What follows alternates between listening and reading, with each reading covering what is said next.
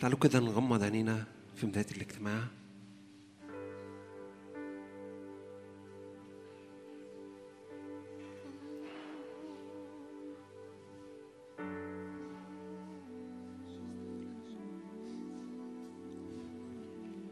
قول له الله تعالى تعالى اغمرنا. يا رب إحنا بنرحب بحضورك في وسطنا.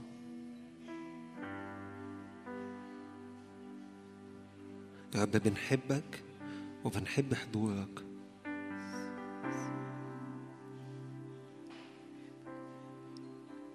يا رب جايين نتقدم أمامك نعبدك.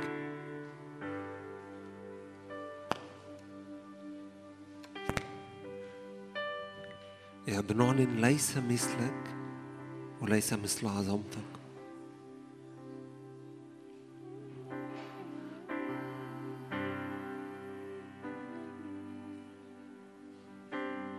يا رب بنحبك بنحبك وبنحب حضورك. طلع صوتك واعبده. زي ما كنا بنسمع الصبح محتاج تطلع صوت. قول له أحبك يا رب يا قوتي.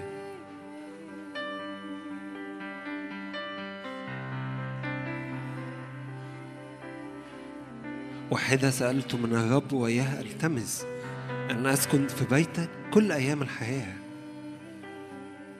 مفيش أحلى من كده. نعم يا رب جايين نسكن في سترك. في ظل القدير أبيت. أقول لرب ملجئي وحصني إلهي أتكل عليك. كل دوشة كل حاجة بتحصل في العالم لكن أنا ساكن في ستر العلي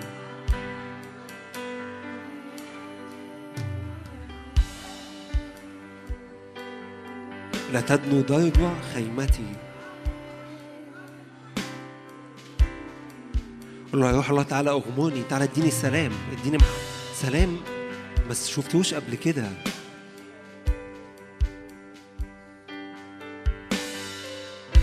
نعم يا أنت صالح أنت صالح. قول له أنت صالح لحياتي.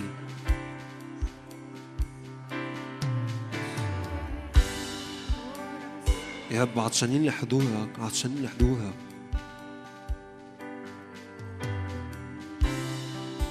يا رب تعالى اغمرنا اغمرنا بمحبة فرح سلام.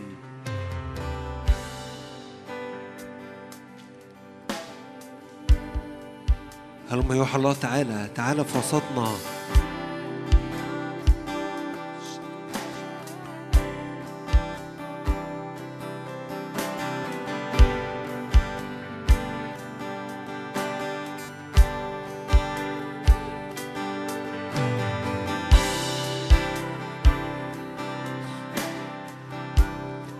كما يشتاق الإيل إلى جداول المياه. هكذا تشتاق نفسي. إليك يا رب عطشانيك أنت وحدك.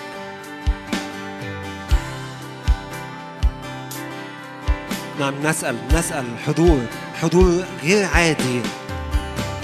معمودية بالروح القدس.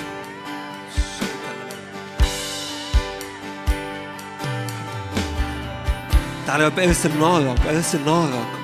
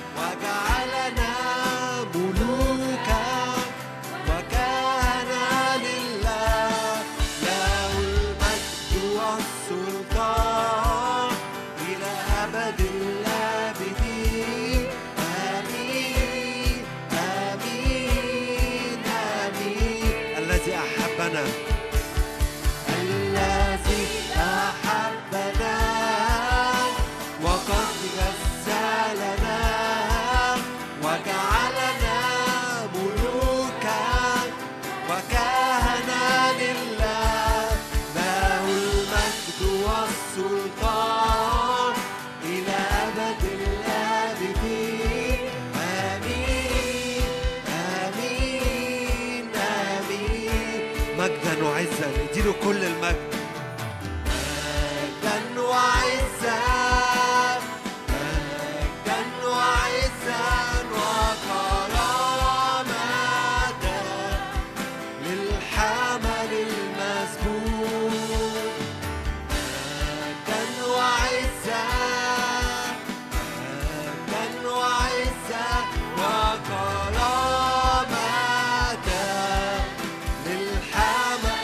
أحبنا. الذي يسوع دعانا ملوك وكهنة.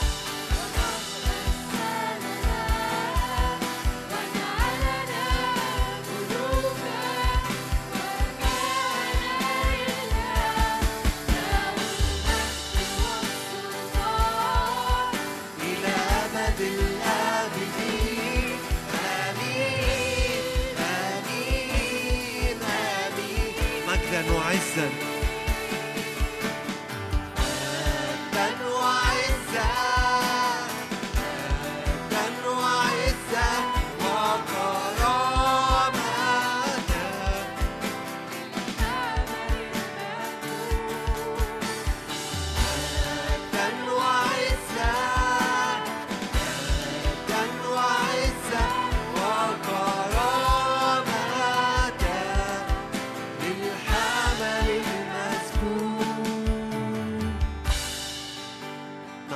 يديك كل المجد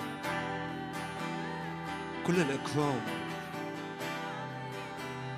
تكسو لاسمك كل ركبة ممن في السماء وممن على الأرض. يعترف كل لسان أن يسوع المسيح هو رب لمجد الله الآب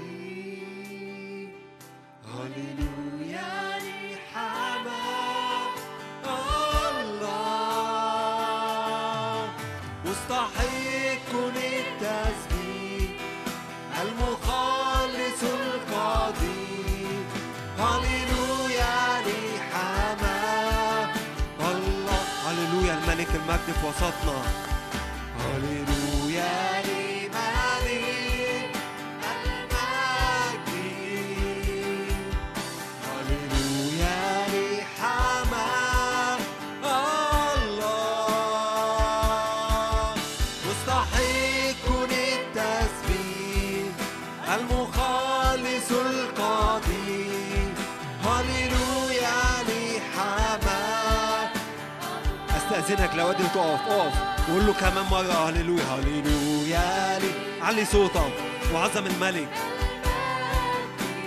وحده مستحق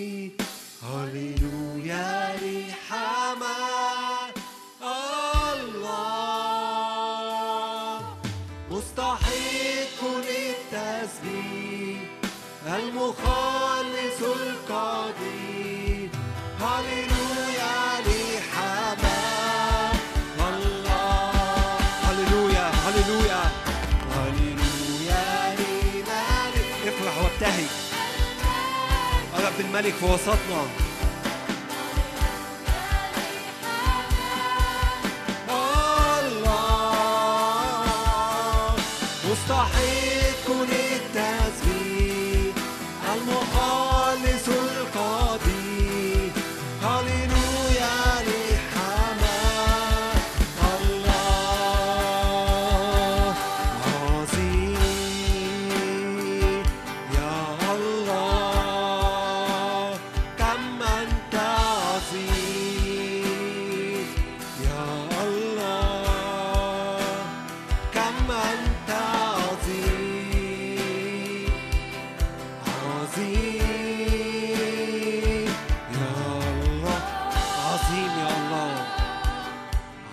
see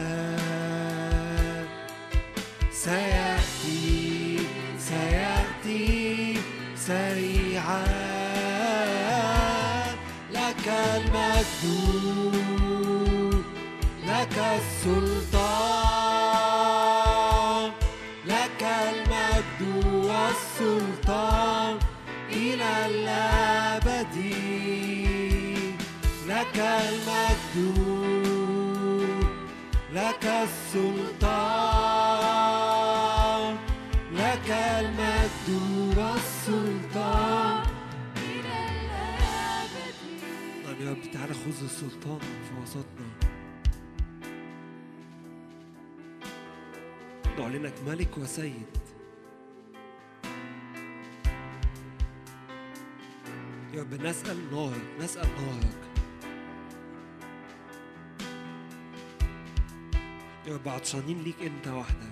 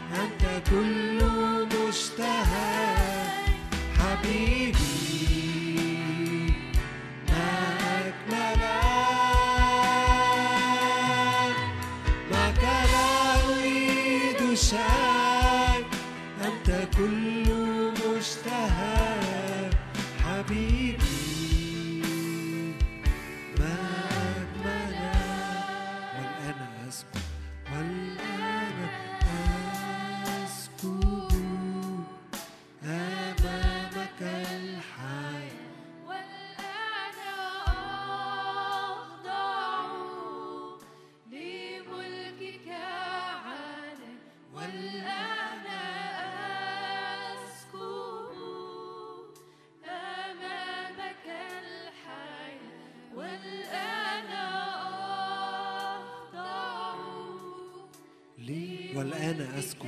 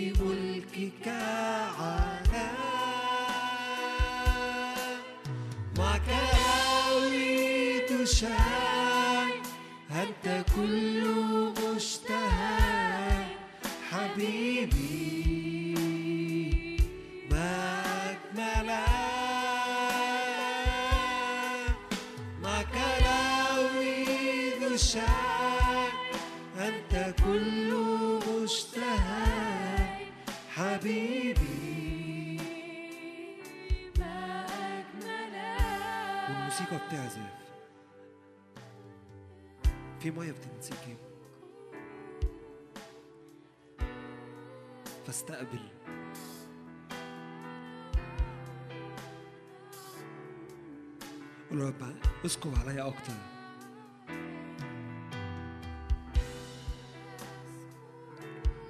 كل تراب كل حاجة اتلزقت عليا المية تزحلقها. أرجع نقي.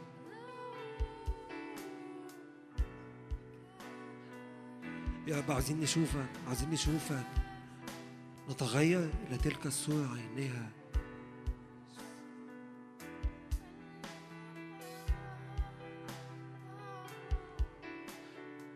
رب أنت كل مشتهاية أنت كل تربتي كل عمري وكل حياتي حطها قدامك.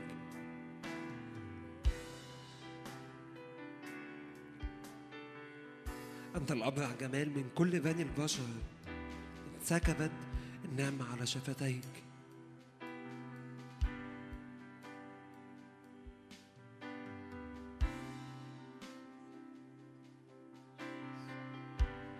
يا رب تقل حضورك في وسطنا.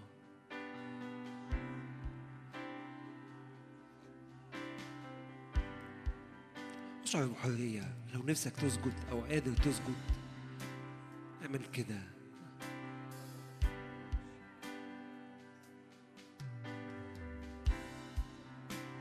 في حضور في في قوة في المكان.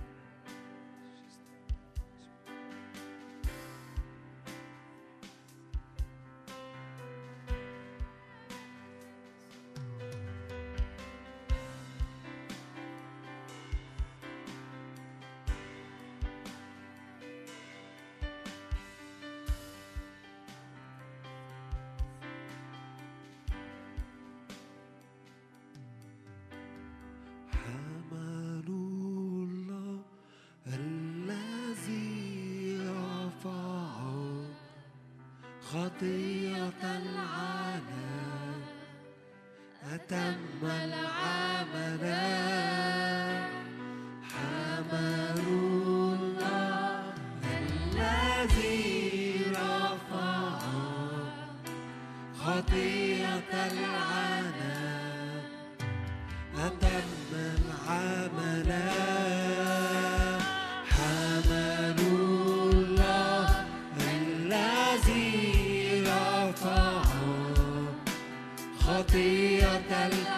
الممجد هنا. ممجد هنا. حمل الله في وسطنا. حمل الله الذي رفع خطية العالم أتم العمل.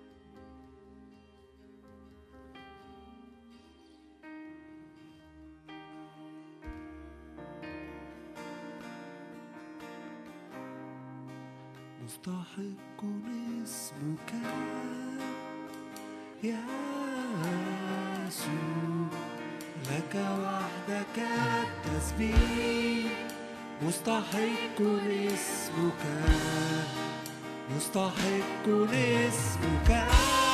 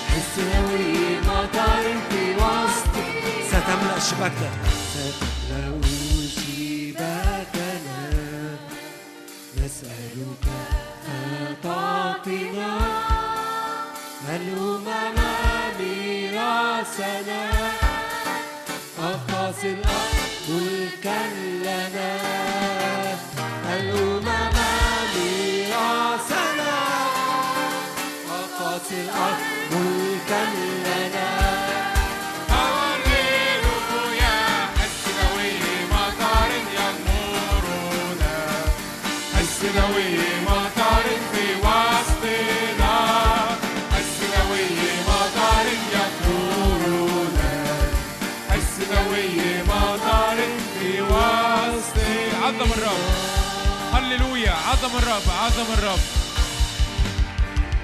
تملأ شباكنا يا رب في اسم ارفع إيدك كده بإيمان واعلن.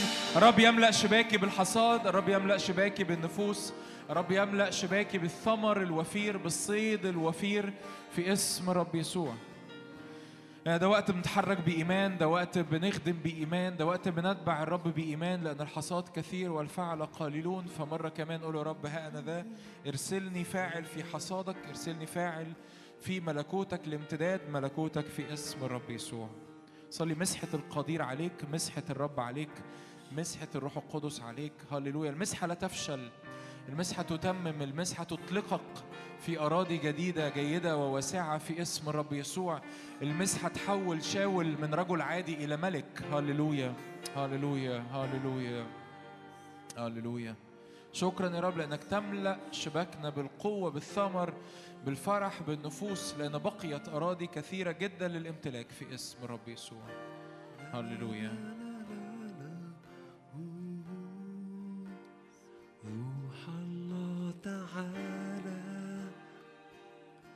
واغمر كل ما فينا.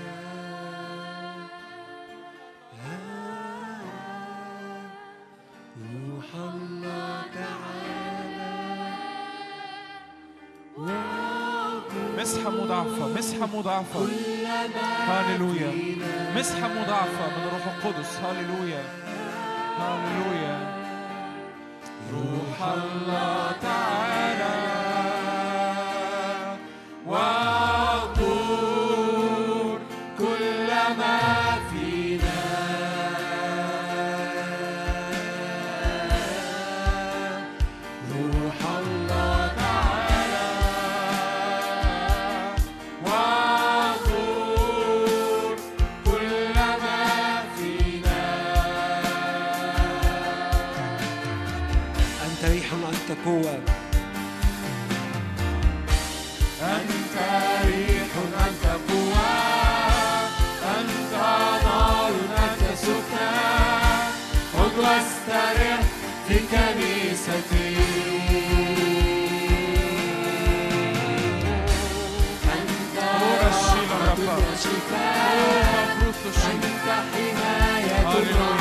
غمر الروح الآن عليك. هللويا على قلبك على خدمتك على إرساليتك هللويا على دعوتك.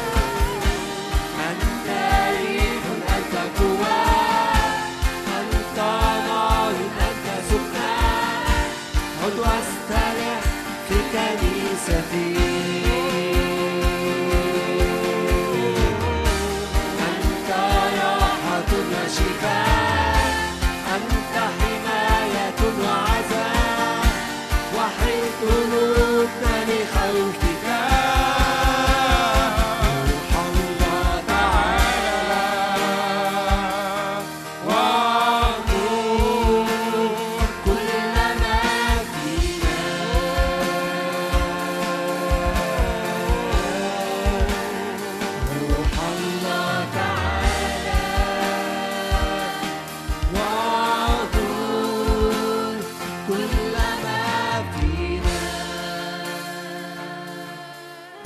إيدك معايا لأن حضور روح القدس وسطينا اعلن كده بإيمان. في اسم يسوع يتلف كل نير لسبب السمانة. في اسم يسوع كل أنيار لعنات كل أنيار موت كل أنيار مرض. كل أنيار ألم كل أنيار عيافة وعرافة كل أنيار تضييق في حياتك كل أنيار خوف كل أنيار خطية. في اسم الرب يسوع يتلف كل نير لسبب السمانة الآن يتلف كل نير لسبب المسحة الآن.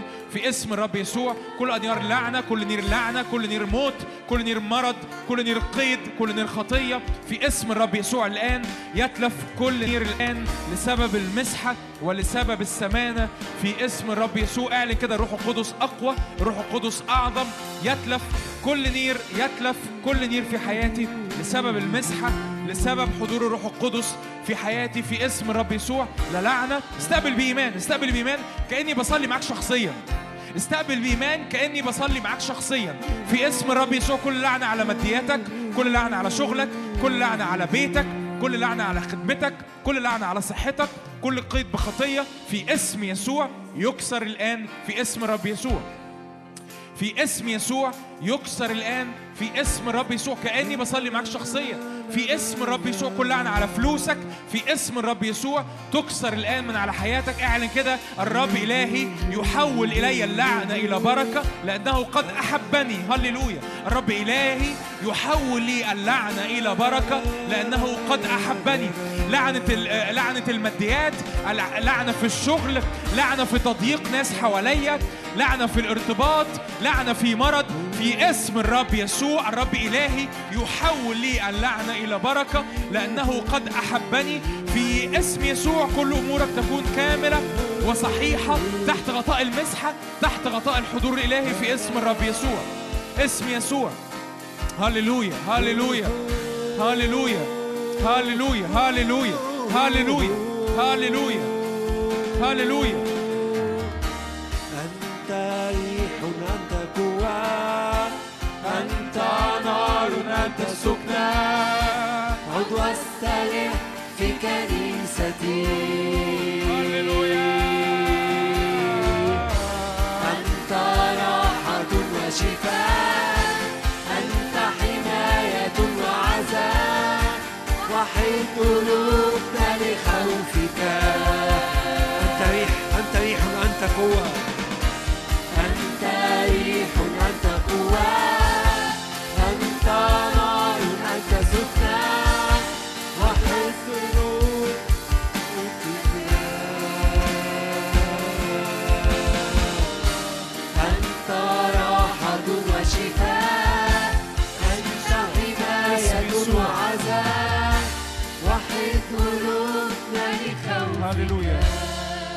هللويا. لو محتاج صلاة خليك واقف مكانك. أنا هتحرك تاني أصلي للناس والخدام برضو موجودين. اللي عايز منهم يتحرك يتحرك. لو محتاج صلاة خليك واقف مكانك لأن شاعر إن الرب عايز يحسم حاجة وعايز يسكب بتقل. فخليك واقف مكانك أكون بتحرك معاك. أيا كان الاحتياج صدق معايا إنه يتلف يتلف كل نير لسبب المسحة. ببساطة يتلف كل نير لسبب المسحة. أرجوك استقبل بإيمان. كنت شاعر الاجتماع اللي فات إن كثيرين وأنا بصلي معاهم يعني مش بيستقبلوا بإيمان. استقبل بإيمان عمل الروح القدس استقبل بإيمان عمل المسحة وعمل النار. كمل عبادة كمل عبادة مع ريمون ومع الفريق. بس آه، استقبل بإيمان إنه يتلف كل نير في حياتي.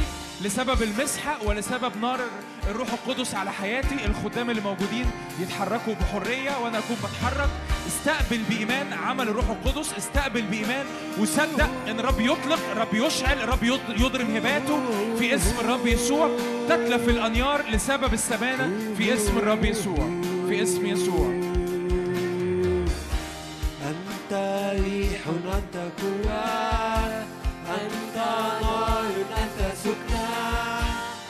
واسترح في كنيستي. أنت راحة وشفاء أنت حماية وعزاء وحيد قلوبنا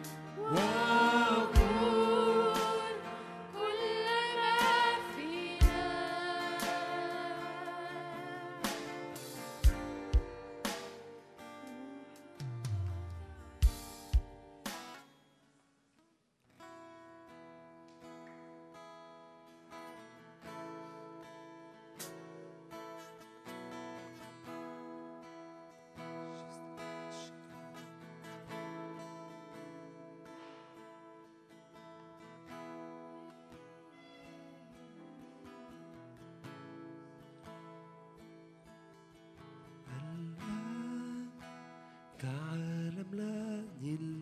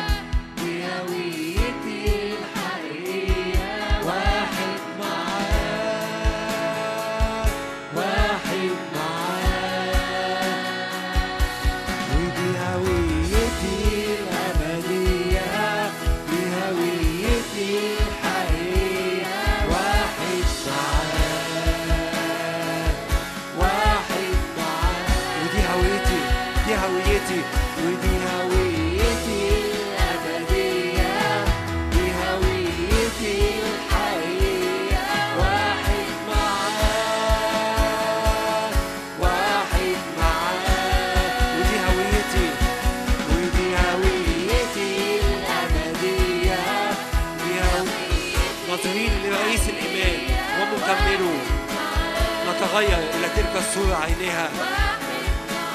نعم يا رب نطلب مجدك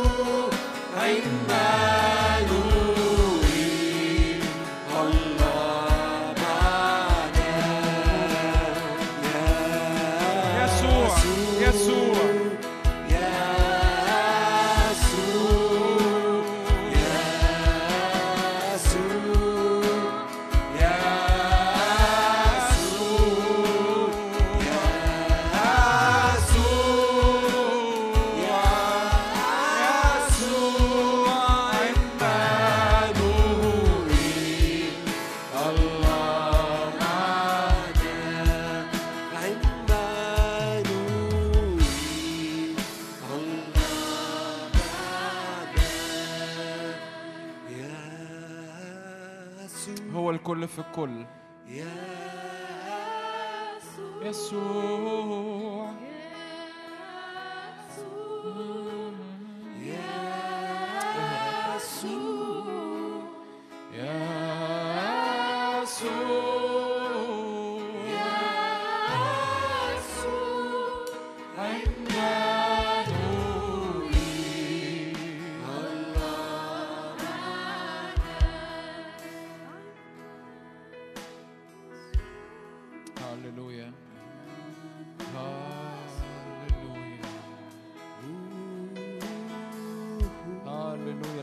تقدم سجود للرب. اشترك معايا في الأمر ده لأنه الملك يتعظم في وسطنا ويعلى في وسطنا. يسوع هو الكل في الكل الكل في الكل.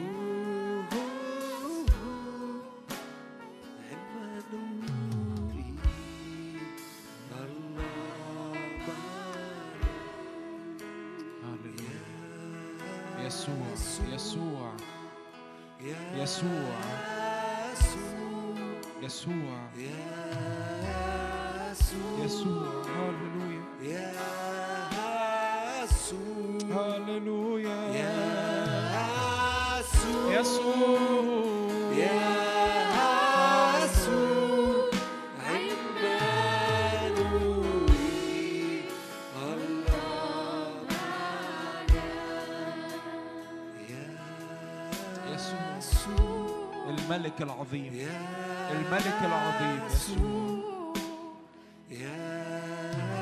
يسوع.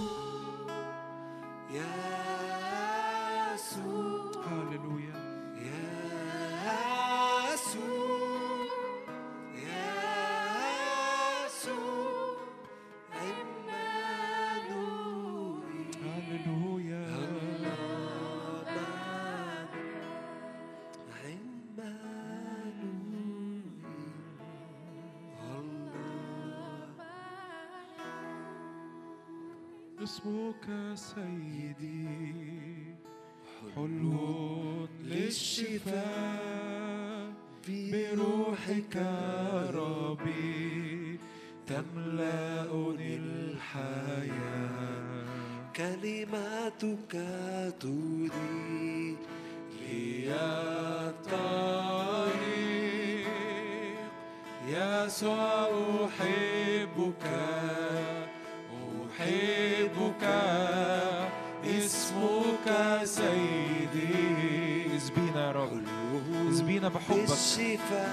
اسبينا بروحك.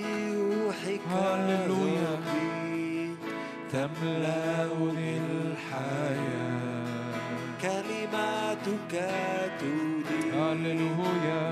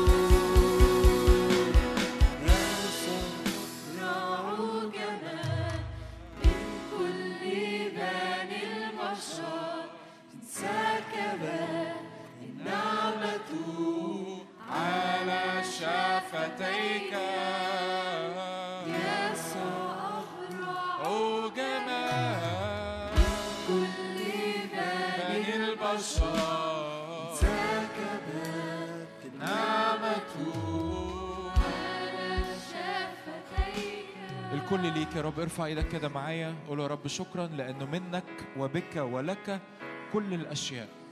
كل الأشياء هي للمسيح. منك وبيك وليك كل الأشياء. كل قلوبنا كل حياتنا كل خدمتنا.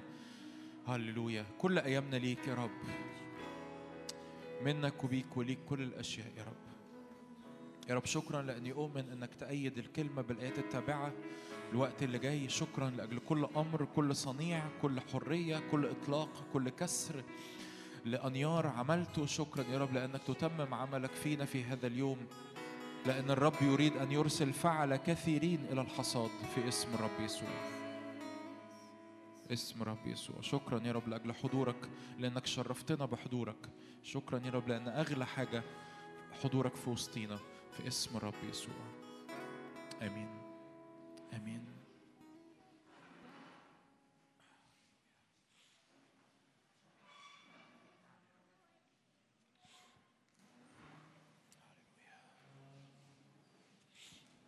أغلى أغلى حاجة حضور الرب.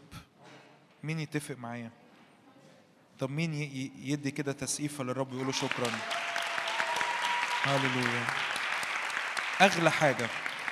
أغلى حاجة يا رب حضورك وسطينا. أغلى حاجة يا رب حضورك وسطينا. أغلى حاجة حضورك وسطينا. آه. هللويا. يا رب علمنا نتعامل بنضوج وبوعي مع حضورك. علمنا يا رب ما نتعودش على حضور الاجتماعات ونبقى دايما عطشانين يا رب لحضورك. علمنا إن قوانينا تبقى عاملة زي إناء المرأة نزيفه الدم اللي اتعاملت مع المسحة بوعي وبإدراك. فاستقبلت. ما نسترخصش يا رب مسحتك وما نسترخصش حضورك وما نسترخصش تعليمك ما نتعودش. سامحنا يا رب على كل مرة تعودنا فيها وكل مرة حسينا إنه عادي وكل مرة استرخصنا حضورك أو استرخصنا الاجتماعات أو استرخصنا كلمتك أو التعليم. يا رب سامحنا. يا رب ما نقدرش نعيش من غير حضورك. ما نقدرش. وأي حاجة يا رب بنعملها ملهاش طعم من غير حضورك. يا رب علمنا دايما نكون في حالة عطش في حالة توقع وفي حالة جوع وفي حالة استقبال. بنمد إيدينا طول الوقت نقول لك يا رب بدونك لا نستطيع أن نفعل شيء. اسم يسوع. آمين. آمين. آمين. حد مستعجل؟ قاعدين يعني؟ أنا مستعجل بس يعني شكلنا قاعدين. إيه؟ أوكي. هنحكي الاجتماع ده عن الخدمة النبوية أو الحركة بالمواهب النبوية. لما نقول مواهب نبوية فاحنا بنتكلم على ثلاث مواهب أساسية وهم كلام العلم وكلام الحكمة والنبوة. طبعا الاجتماع اللي فات أو الاجتماعين اللي فاتوا حطينا تعريفات بشكل عام. الاجتماع ده هنتكلم أكتر أكتر بشكل عملي. لما أجي اخدم بالمواهب النبوية اعتقد اعتقد انه في يعني ممكن نرتب يوم تاني. ما أعرفش يعني أنا أنا بقول كده من دماغي مش بقول كده يعني مش متفق مع شادي أو حاجة.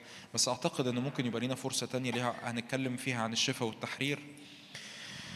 بس أنا اتشغلت يعني ما كانش ده الترتيب أو ما كانش ده اللي أنا كنت بفكر فيه. بس ربنا يعني شغلني في يوم مش فاكر إمتى يعني قال لي لازم نتكلم النهارده عن الخدمة النبوية. أو الخدمة بالمواهب لأن الخدمة النبوية أمر واسع قوي نتكلم عن المواهب النبوية وإطلاق المواهب النبوية تحديدا كلام العلم وكلام الحكمة والنبوة. أول حاجة محتاجين نفهمها إنه سماع صوت الله للكل. سماع صوت الله للكل. زي ما قلنا في أعمال اتنين يكون في الأيام الأخيرة أن يسكب روحي على كل بشر فيتنبأ بنوكم وبناتكم يحلم شيوخكم أحلاما ويرى شبابكم رؤى. على العبيد أيضا وعلى الإماء أسكب روحي في تلك الأيام فيتنبؤون. رب يسوع يقول في يوحنا 10 27 إن خرافي تسمع إيه؟ صوت. خرافي تسمع صوتي ده مبدأ بسيط قوي. الحقيقة أكبر عائق لعدم سماع أكبر عائق لسماع صوت الله أو أكبر عائق يمنعك إنك تسمع صوت الله هو إن أنت اتعلمت زيادة عن اللزوم عن قد إيه سماع صوت الله حاجة صعبة. آه، سماع صوت الله من أبسط ما يمكن. الأطفال بيسمعوا صوت الله.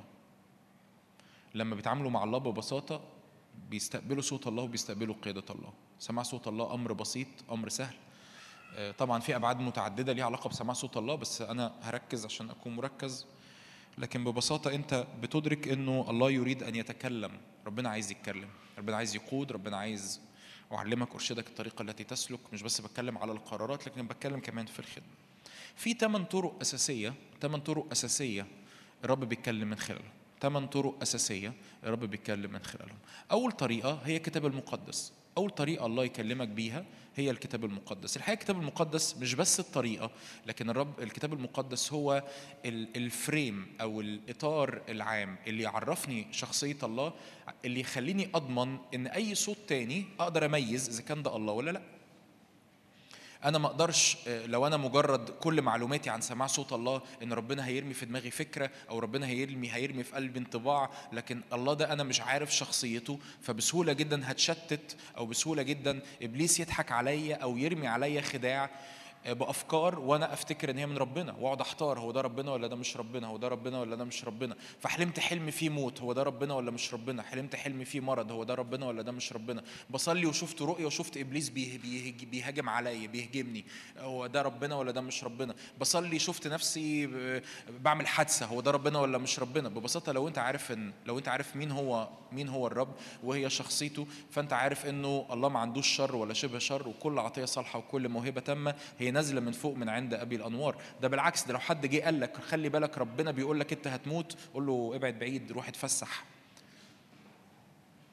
قول له لا تقوم لا تكون. ده حتى لو حتى لو ده تحذير فح- فحتى التحذير الروحي بتقف لأجله إنه أشكرك يا رب لأني لا أموت بل أحيا وأحدث بعجائب الرب. ليه؟ ال- اللي ثبتني في سماع صوت الله وفي تمييز صوته وفي تمييز أنا صليت مع فلان وفلان قال لي أنت هت هتفلس. طب وبعدين؟ يعني فلان قال لي انت هتموت. في خطية في حياتك؟ في حاجة محتاج تتوب عنها؟ هل في باب للعنة؟ انت فاتحه؟ لا مفيش. خلاص يبقى لا تقوم لا تكون. في اسم يسوع لن أموت بل أحيا وأحدث بعجائب الرب. حلمت حلم إن إبليس بيخنقني وبيموتني. تصحى من الحلم تعالى أشكرك يا رب لأن يدوس الحياة والعقارب وكل قوة العدو ولا يضرني شيء. مش كل حلم أنت بتحلمه هو روحي. في أحلام نفسية بيسموه pizza dream بالإنجليزي. يعني كلت أكلة تقيلة ونمت فأنت بتحلم أحلام نفسية. مش مش متغطي بالليل. مش كل حلم مش كل حلم روحي انت بتحلمه هو من الرب. إبليس بيرمي أحلام إبليس بيرمي رؤى إبليس بيرمي أفكار إبليس بيرمي انطباعات. طب إيه اللي يضمن لي إني أميز كل طرق سماع صوت الله وأتأكد إن ده الله إن أنا عارفه؟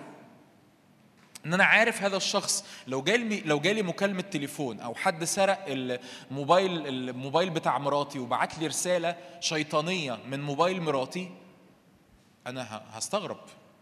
لأن دي أنا عارف دي مش مراتي دي مش شخصيتها ده مش قلبها وهكذا. فأنا هستغرب وعمري ما هصدق الرسالة إلا لما أتأكد بنفسي هو انت بجد اللي بعت الرسالة دي ولا إيه؟ وأكتشف في الآخر إن مش هي اللي بعتها لأن دي مش شخصيتها. تمام؟ فاللي ثبتني في سماع صوت الله هو إدراكي لشخصية الله ومش هقدر أكتشف شخصية الله إلا من خلال الكتاب المقدس. مش هقدر أكتشف شخصية الله أنا فلان الفلاني صلى لي قال لي في حد عامل لك عمل. طب وبعدين؟ يا جماعة معلش سامحوني الحاجات دي ما ينفعش نسهل معاها. إحنا بنلف وندور في نفس الدوائر لسنين. رحت الخادم والخادم صلى لي قال لي في حد عامل لك سحر. وباي باي. طب طب مش انت يا عم خادم؟ ما تفك لي السحر يا عم.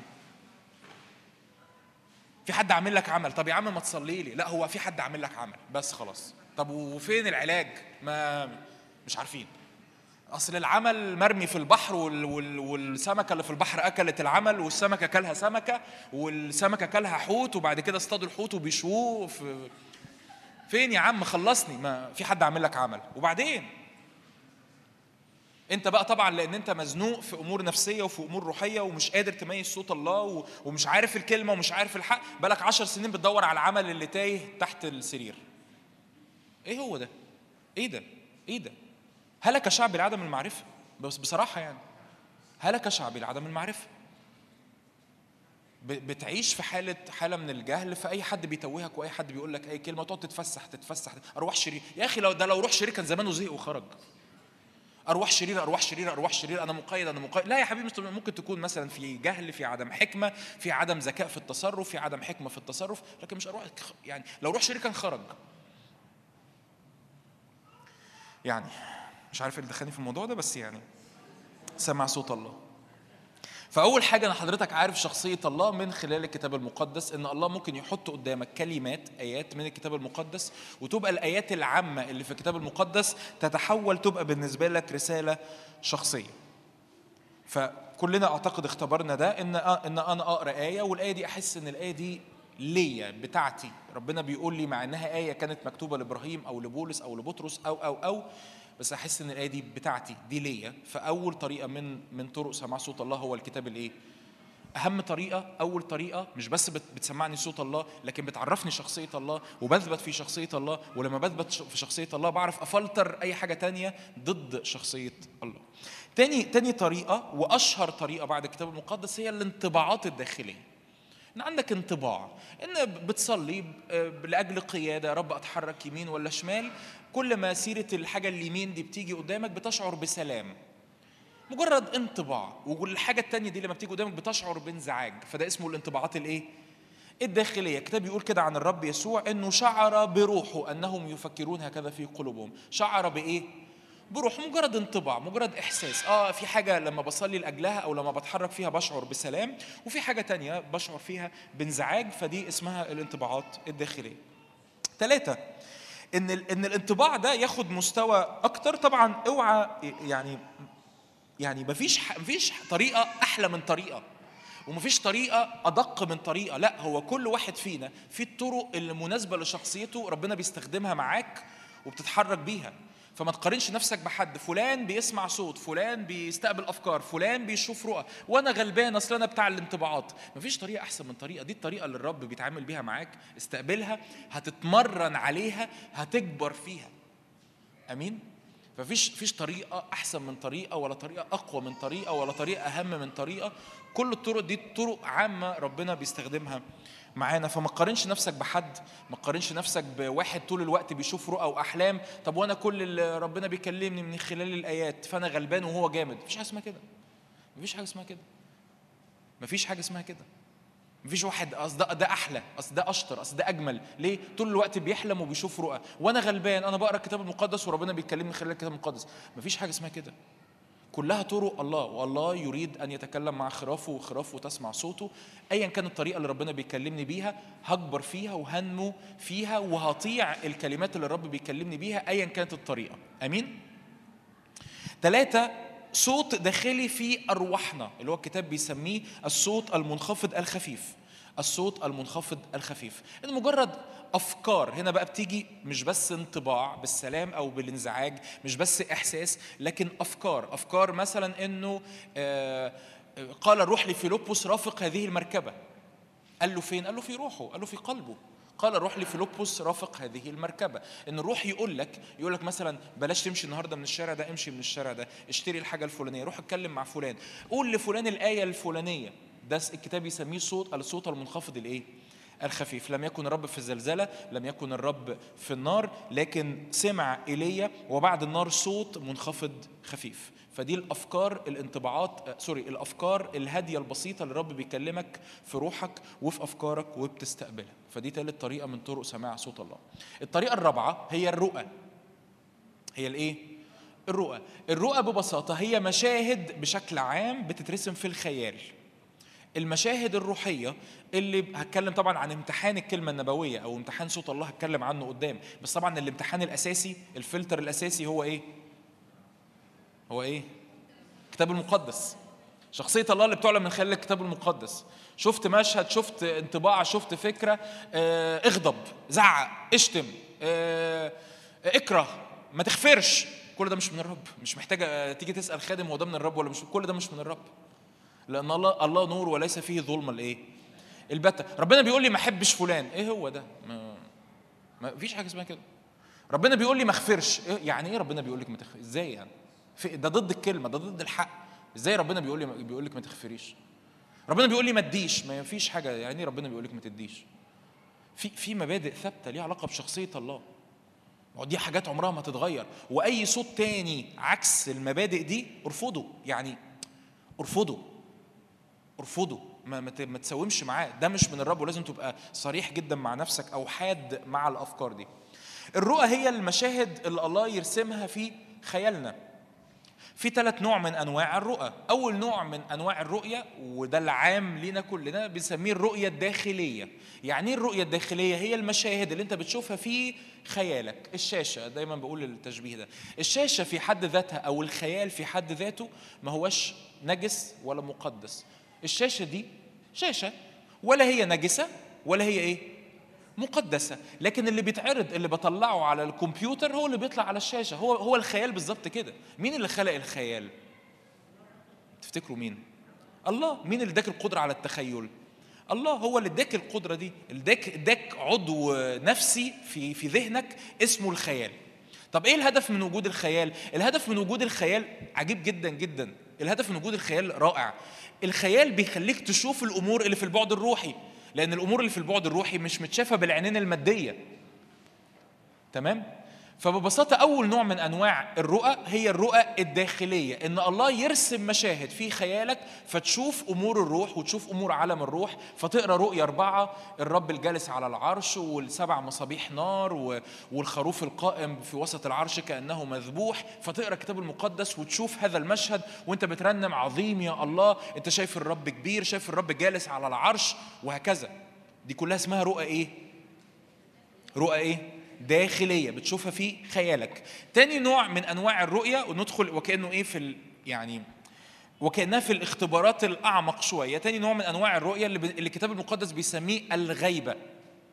الغيبة ويقول لك كده وقعت على بطرس غيبة، وقعت على بطرس غيبة مش معناها إنه نعس، وقعت على بطرس غيبة الكلمة اليوناني اسمها έκστασις اللي هي بالإنجليزي استسي اللي هي أبونا متى المسكين بيحكي عنها في كتاب حياة الصلاة اللي بيسميه الدهش. حد قرأ كتاب حياة الصلاة أو عدى عليه قبل كده؟ فالدهش هو الغيبة هو الاستسي أو ال έκστασις بال- بالكلمة اليوناني. إيه إيه الغيبة دي؟ الغيبة ببساطة إن روح القدس يأتي على جسدك ويخلي جسدك في حالة سبات. الرؤى العادية اللي بتشوفها في خيالك لو لو لو حد جنبك نادى عليك أنت سامعه. لو حد اتكلم معاك انت سامعه. لو انت أصلا اتشتت أو انت شتت نفسك قلت مثلا عايز أبص على الموبايل انت انت واعي. انت بتعمل إيه؟ دي الرؤى العادية. الغيبة جسدك بيبقى بره السيطرة. جسدك انت انت خلاص ما بقتش متحكم في جسدك. كأن جسدك نايم وروحك اكتف كأن جسدك نايم وروحك هي اللي شغالة. تمام؟ بعض الرأي عايز توافق عليه أو ما توافقش عليه مفيش مشكلة مفيش أي مشكلة. بس آراء كتير تقول إن موسى النبي لما كان على الجبل 40 يوم و40 ليلة لم يأكل ولم يشرب هو كان في حالة غيبة. ليه؟ لأنه جسده ما بقاش ما بقاش فعال خالص. فجسده نفع إنه يبقى موجود لمدة 40 يوم و40 ليلة على الجبل من غير ما يأكل ومن غير ما يشرب وما ماتش. يعني توافق أو ما توافقش مش مهم يعني. بس في حاجة اسمها إيه؟ غيبة. وقع على بطرس وقعت على بطرس إيه؟ غيبة ده في أعمال عشرة. فالكلمة كتابية الكلمة موجودة. النوع الثالث من أنواع الرؤى هي الرؤى اللي بتشوفها بالعينين المادية. تمام؟ النوع الأول للكل. النوع الأول ده متاح ليك النهاردة. النوع الثاني والثالث أعطش ليهم. مش مش شرط يحصل. يعني يعني اللي هو ده مش معناه فلان أحسن في الروح من فلان ففلان بيختبر غيبة وفلان لأ. ده فلان يسوع ظهر له. لأ طب ما إحنا عارفين النهارده في عصرنا الحاضر إن الرب بيظهر لآلاف من غير المسيحيين. فهي مالهاش علاقة بالاستحقاق. إن الرب يظهر لحد في الجسد ويتكلم معاه وتشوفه ويشوفوك ويشوفوا الرب بالعينين المادية مالهاش علاقة بالاستحقاق. ده الرب بيختار إنه يعمل كده مع بعض الناس. بولس في أعمال تسعة الكتاب بيقول إن هو شاف نور واللي حوله اللي معاه برضو أبصروا النور. فده معناه إن نور الرب يسوع اللي ظهر لشاول في أعمال تسعة كان رؤية داخلية ولا خارجية؟ ها؟ خارجية. لأن بولس شاف النور بعينيه الإيه؟ المادية. واللي معاه برضو شافوا الإيه؟ النور. فده نور ظهر في العالم المادي. فده ثالث نوع من أنواع الإيه؟ الرؤية. يعني ممكن الرب يكلمني أو يقودني من خلال مشهد في خيالي أو من خلال إنه يقع علي غيبة فأنفصل عن الجسد أو ممكن يظهر لي مشهد روحي لكن أشوفه بعناية المادية. فرابع نوع من من من أو رابع طريقة من الطرق اللي الرب بيتكلم بيها هي الرؤى. خمسة الأحلام. خمسة إنك تحلم ببساطة. الكتاب بيسميه رؤى الليل. إنك تحلم بمشهد وتبقى صاحب انطباع إن المشهد ده من الرب وإن في معنى أرجوك ما تفسرش كل حاجة بتشوفها في خيالك وخصوصا لو أنت شخص تخيلي لو أنت بتحلم كتير مش كل حاجة تفترض إن هي روحية. تمام؟ ما تفترضش دي كل حاجة روحية. في حاجات كتير ما بتبقاش روحية وفي حاجات كتير ما بتبقاش ليها معنى. أنت مع الوقت مع التدريب هتعرف إيه الأحلام اللي من الرب وإيه الأحلام اللي مش من الرب إيه الأحلام الروحية وإيه الأحلام اللي مجرد نفسية أو العقل الباطن بي آه بيطلع كده حاجات وأنا نايم من بيلعب بيعمل playback يعني بيشغل الأحداث بتاعة اليوم. وهكذا. فال- فالطريقة الخامسة هي الأحلام. محتاج أشرح الأحلام؟ الحمد لله. ستة ال- الطريقة الستة علامات بتشوفها في في العالم المادي. إنك تشوف حاجة في العالم المادي والرب الروح القدس يربط لك الحاجة دي بحاجة تانية روحية. تمام؟ زي مثلا إن حضرتك تشوف إعلان في الشارع بتاع أي حاجة وال- والكلمة بتاع مثلا الشركة أو بتاع الأكل أو بتاع الشرب أو بتاع أي حاجة الكلمة دي تربط معاك حاجة إيه؟ روحية. يعني معنى كده إني ما استبعدش إن ربنا ممكن يستخدم أي موقف وشفت كلمة شفت موقف شفت فيديو على الفيسبوك شفت آه، اي حاجة. بولس بولس يتقال عن بولس الرسول في أعمال 17 إنه لما كان في أثينا وراى الأصنام الكتاب بيقول احتدت إيه؟ روحه. ففي حاجات ظاهرة في العالم المادي حركت روحه إنه الناس دول بيعبدوا الأوثان يعني بهبل يعني فاحتدت روحه قرر إنه يكرز للأثينيين. سبعة الطريقة السبعة اللي الرب بيتكلم بيها هي الشعور بما يشعر به الآخرون. ودي إيه؟ تفصيلة شوية ليها علاقة بالخدمة. إن حضرتك الأجواء ال ال ال كل واحد فينا لو هاخد مثلا شيرين كمثال خليكي قاعدة شيرين ما تقلقيش حواليها مظلة حواليها أمبريلا يعني شمسية. المظلة دي بتعكس حاجات روحية وبتعكس أمور نفسية. تمام؟ الحتة دي بس إيه؟ يعني مش عارف. ببساطة لما كل ما بت- بتنضج بتكبر في العلاقة مع الرب وكل ما نفسيتك بيبقى فيها ثبات بتقدر تميز إنه في حاجات الناس بيعدوا بيها لمجرد إن أنت بتقرب منهم. لمجرد إن أنت تدخل محل معين تدخل حد بتزوره تشعر بحاجات معينة. فتزور حد مؤمن بيصلي ومش عارف إيه تشعر بسلام في البيت. آه، تزور حد تاني مقيد تشعر بانزعاج. أنت حسيت مش كل انزعاج بتحسه هو انزعاجك. مش كل قلق بتحسه هو قلقك. مش كل وجع حتى في جسدك من من الحاجات اللي بتحصل برضو في العلامات في ال- في تشعر بما يشعر به الآخرون ممكن تكون بتخدم في قفلة أو في خدمة أو في اجتماع زي كده وتشعر إنه آه، ودنك وجعاك تشعر إنه عندك صداع. بس أنت روح القدس كأنك كأنك بتسأل كده روح القدس هو الصداع ده بتاعي ولا الصداع ده لحد هنا أنت عايز تشفيه من الصداع؟ وتلاقي وتكتشف إنك أول ما تقول إنه يا جماعة في حد هنا عنده صداع تلاقي إن في حد فعلا عنده صداع والصداع اللي عندك راح ليه؟ لأن الصداع اللي أنت كنت حاسس بيه ده ما كانش بتاعك، ده كان حاجة طريقة الروح القدس بيقول لك على فكرة ده في حد هنا عنده صداع وأنا عايز أشفيه. مفهومة الحتة دي؟ تمام، إيه الشطارة دي؟ كل حاجة مفهومة كده؟ ف... تمام؟ فأنت بتشعر بما يشعر به الإيه؟ دي الطريقة السبعة.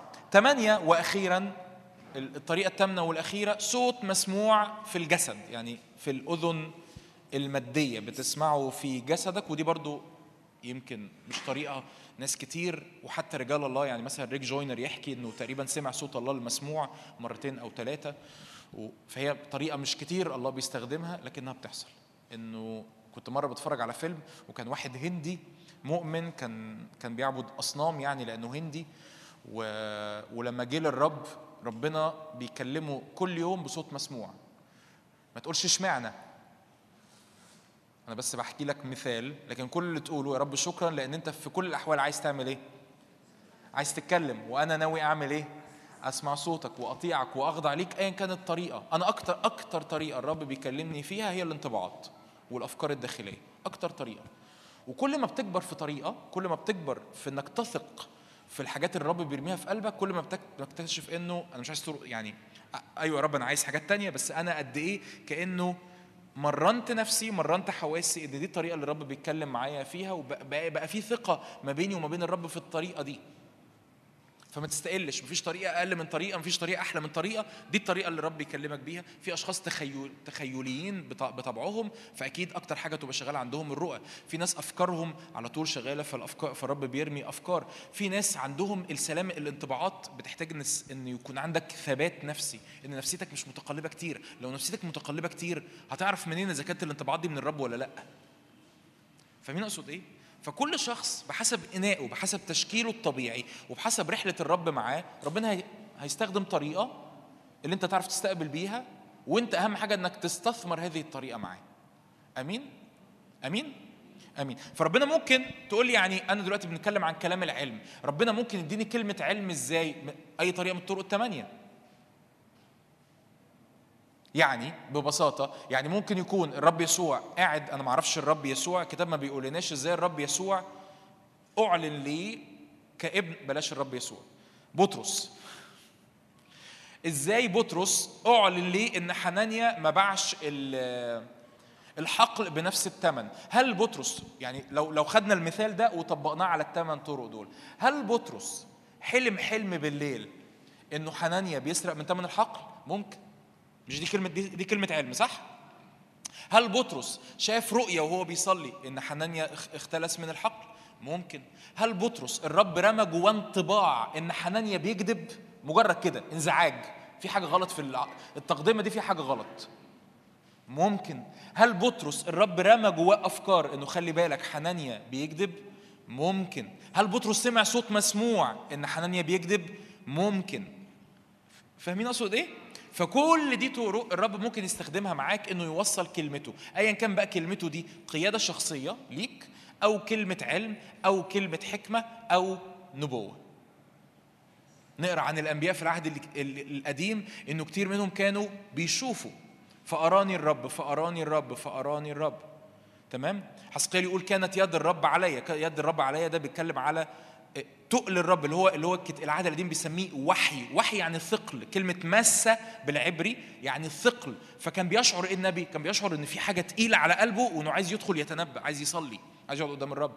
فممكن اللي بي... اللي بتشعره في قلبك هو رغبة في التشفع ورغبة في الصلاة، ده انطباع الرب بيحطه. فاهمين أقصد إيه؟ فكل دي طرق الرب يستخدمها أنت كل واحد بحسب الطريقة اللي هو محتاجها وبحسب الموقف الرب هيعلن لك. مش هيعلن لك. آه هيعلن لك كلمته بايا كانت الطريقة. سواء بقى كلمة علم كلمة نبوة أو قيادة شخصية أو أو تمييز أرواح. ممكن أشوف شخص آه وأشوف الروح الشرير. ها؟ ممكن ولا مش ممكن؟ ممكن لأن هي رؤية. ممكن أش... أول ما أقابل شخص أشعر إنه في حاجة مش مظبوطة فده انطباع داخلي.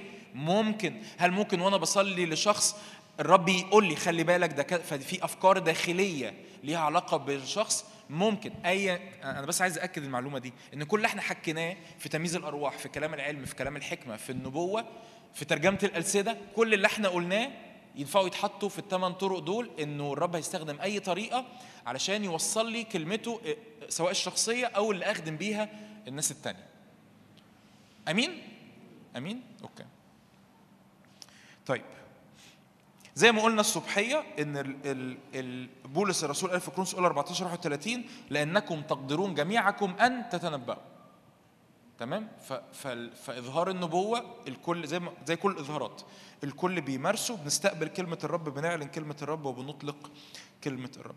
لازم ندرك واحد نتكلم عن الخدمة النبوية إن الخدمة النبوية مختلفه عن الخدمة النبوية في العهد الجديد. وأنا هنا بتكلم عن الخدمة النبوية مش بتكلم عن وظيفة النبي. أنا بتكلم عن الموهبة. الوظيفة دي قصة تانية مش موضوعي خالص خالص دلوقتي. أنا بتكلم عن الخدمة النبوية. يعني إيه الخدمة النبوية؟ يعني تتحرك بكلام علم أو كلام حكمة أو إيه؟ أو نبوة. تمام؟ يقول كده الرسول بولس في كرونس الأولى إصحاح 14 عدد ثلاثة أما من يتنبأ فيكلم الناس بثلاث حاجات مفيش غيرهم. بنيان وعظ تعزية. يعني إيه؟ يعني لو حضرتك ناوي حضرتك مش نبي. حضرتك مجرد مؤمن بتحب الرب بتخدم الرب جاي تدي لي كلمه نبوية. الكلمة النبوية بتاعتك لازم تبقى واحدة من الثلاث حاجات دول. يا إما هتقول لي كلمة تبنيني يا إما هتقول لي كلمة تشجعني يا إما تقول لي كلمة تعزيني. لكن تيجي تقول لي ربنا بيقول لك إنك هتموت بليز خليها لنفسك. تمام؟ فيا إما الكلمة دي هتبنيني يا إما الكلمة دي هتشجعني يا إما الكلمة دي هت إيه؟ هتعزيني. لأن النبوة في العهد الجديد من يتنبأ؟ يكلم الناس ببنيان ووعظ وإيه؟ وتعزية. ليه في فرق ما بين النبوة في العهد القديم والنبوة في العهد الجديد؟ لأن عندنا حاجة اسمها الصليب. الله في المسيح صار مصالحا العالم لنفسه. العهد القديم كان مرتبط بالناموس ومرتبط بقضاء الله على على الشعب في العهد القديم بحسب الناموس. العهد الجديد ده ما بقاش موجود. إحنا مش عايشين في العهد القديم. العهد القديم كان ليه شروطه كان ليه قوانينه كان ليه بركاته وكان ليه لعناته. أنتوا تعبتوا صح؟ باين عليكم. قلتوا إيه بس؟ ليه بركاته وليه لعناته. فلو انت إن سمعت سمعا لصوتي يحصل كذا واباركك في حقلك وفي خروجك وفي دخولك وفي ثمر بطنك و... لو انت ما سمعتش هيحصل كذا وكذا وكذا وكذا. ليه؟ لأن العهد القديم مكتوب أو العهد القديم قصة العهد القديم كلها لإظهار قبح الخطية. ده هدف ده الهدف الوجوب من العهد القديم. إن الله عايز يبين قبح الخطية وشر الخطية وقد إيه الخطية خطيئة جدا وقد إيه الخطية بتحكم على الإنسان بالموت. فده هدف العهد القديم. طب العهد الجديد؟ صار الله مصالحا العالم لنفسه في المسيح يسوع. فلما الرب يجي يتكلم يتكلم ببنيان ووعظ و وتعزية. طبعا كل واحدة من دول ينفع نطول فيها كتير بس نيجي النقطة كمان. إطلاق الكلمة النبوية. وهنا بيحصل برضو الكثير من آه، أقولها إزاي من عدم النضوج. أنا استقبلت كلمة نبوية حلمت حلم. حلمت حلم إن آه، إن أنا بجري وفي أسد بيجري ورايا. أنا ممكن أفسر الحلم ده بطريقة من اتنين. ممكن أقول إنه مثلا إيه آه، اجذبني وراءك فنجري هللويا. وممكن يكون الرب عايز يقول لي إن خلي بالك إبليس خصمك كأسد زائر يجول ملتمسا من إيه؟ لأن مش كل أسد بتشوفه هو ربنا ومش كل تعبان هتشوفه هو إبليس. تمام يا مؤمنين؟ يا بتوع الكنايس اللي بتحضروا آه، مؤتمرات واجتماعات مش كل أسد بتشوفه هو الرب لأن الرب قال عن إبليس إنه كأسد إيه؟ زائر يعني بيزقر. ومش كل تعبان هتشوفه هو إبليس لأن الرب قال عن نفسه إنه كما رفع موسى الحية في البرية كذا ينبغي أن يرفع ابن الإنسان. فالاستنتاجات السريعة خطر. لما تيجي تشارك كلمه نبوية لشخص حضرتك مطلوب منك ثلاث حاجات. أول حاجة الإعلان تاني حاجة التفسير تالت حاجة التطبيق. تاني؟ ال- الموهبة النبوية بتضع على حياتك مسؤولية. علشان ما يحصلش عثرات وما يحصلش لخبطة. إيه هدف وجود الموهبة النبوية في الكنيسة؟ إن شعب الله يسمع صوت الله. صح؟ صوت الله لشعب الله لازم يبقى مفهوم. أنا هستفيد إيه؟ لو انت جاي تشاركني حلم والحلم ملوش معنى بالنسبة لي وانت كمان مش عايز تفسره لي ومجرد انت حاسس ان انت انت قمت بدورك. ليه قمت بدورك؟ أنا شفت حلم والحلم كان واحد راح وواحد جه وطرنا في السماء وشفت نسر وشفت مش امين امين مش بقل خالص. ممكن يكون من الرب 100% ممكن يكون من الرب. بس انت محتاج تعمل يبقى عندك الإعلان يبقى عندك التفسير يبقى عندك الإيه؟ التطبيق. وزي ما حضرتك معتمد على الإعلان في الإعلان على الروح القدس محتاج تعتمد في التفسير على الروح القدس ومحتاج تعتمد في التطبيق على الروح القدس. يعني حضرتك شفت حلم أو شفت رؤية أو شفت أو أو شعرت بآية وعايز تشاركها لحد من إخواتك أو عايز تشاركها لحد معاك تخيل تخيل ببساطة إن أنت بتشارك الآية دي أو بتشارك الحلم ده لحد غير مؤمن. هتعمل إيه؟ هيفهم إيه؟ ولا حاجة. طب على فكرة عايز أقول لك برضو إن مؤمنين كتير في وسط الكنائس وفي وسط المجتمعات المفتوحة على الروح القدس زي اجتماعاتنا وكده برضو مش فاهمين. فلا يكفي اذا إني أعلن مجرد الحاجة اللي أنا استقبلتها. محتاج أدي فيها أقول فيها التفسير وأقول فيها كمان الإيه؟ التطبيق. يعني إيه التفسير؟ يعني اللي أنت شفته ده معناه إيه؟ واللي أنت شفته ده أعمل بيه إيه؟ أعيشه إزاي؟ أتصرف فيه إزاي؟ زي ما نبوخذ نصر حلم الحلم حلم الحلم الثاني اللي هو شجرة واتقطعت وهكذا. دانيال اداله التفسير واداله التطبيق قال له قال له قال له أيها الملك لتكن لتكن مشورتي مقبولة عندك تب توب. فده إيه؟ تطبيق. دانيال مش بس اداله التفسير لكن كمان اداله الإيه؟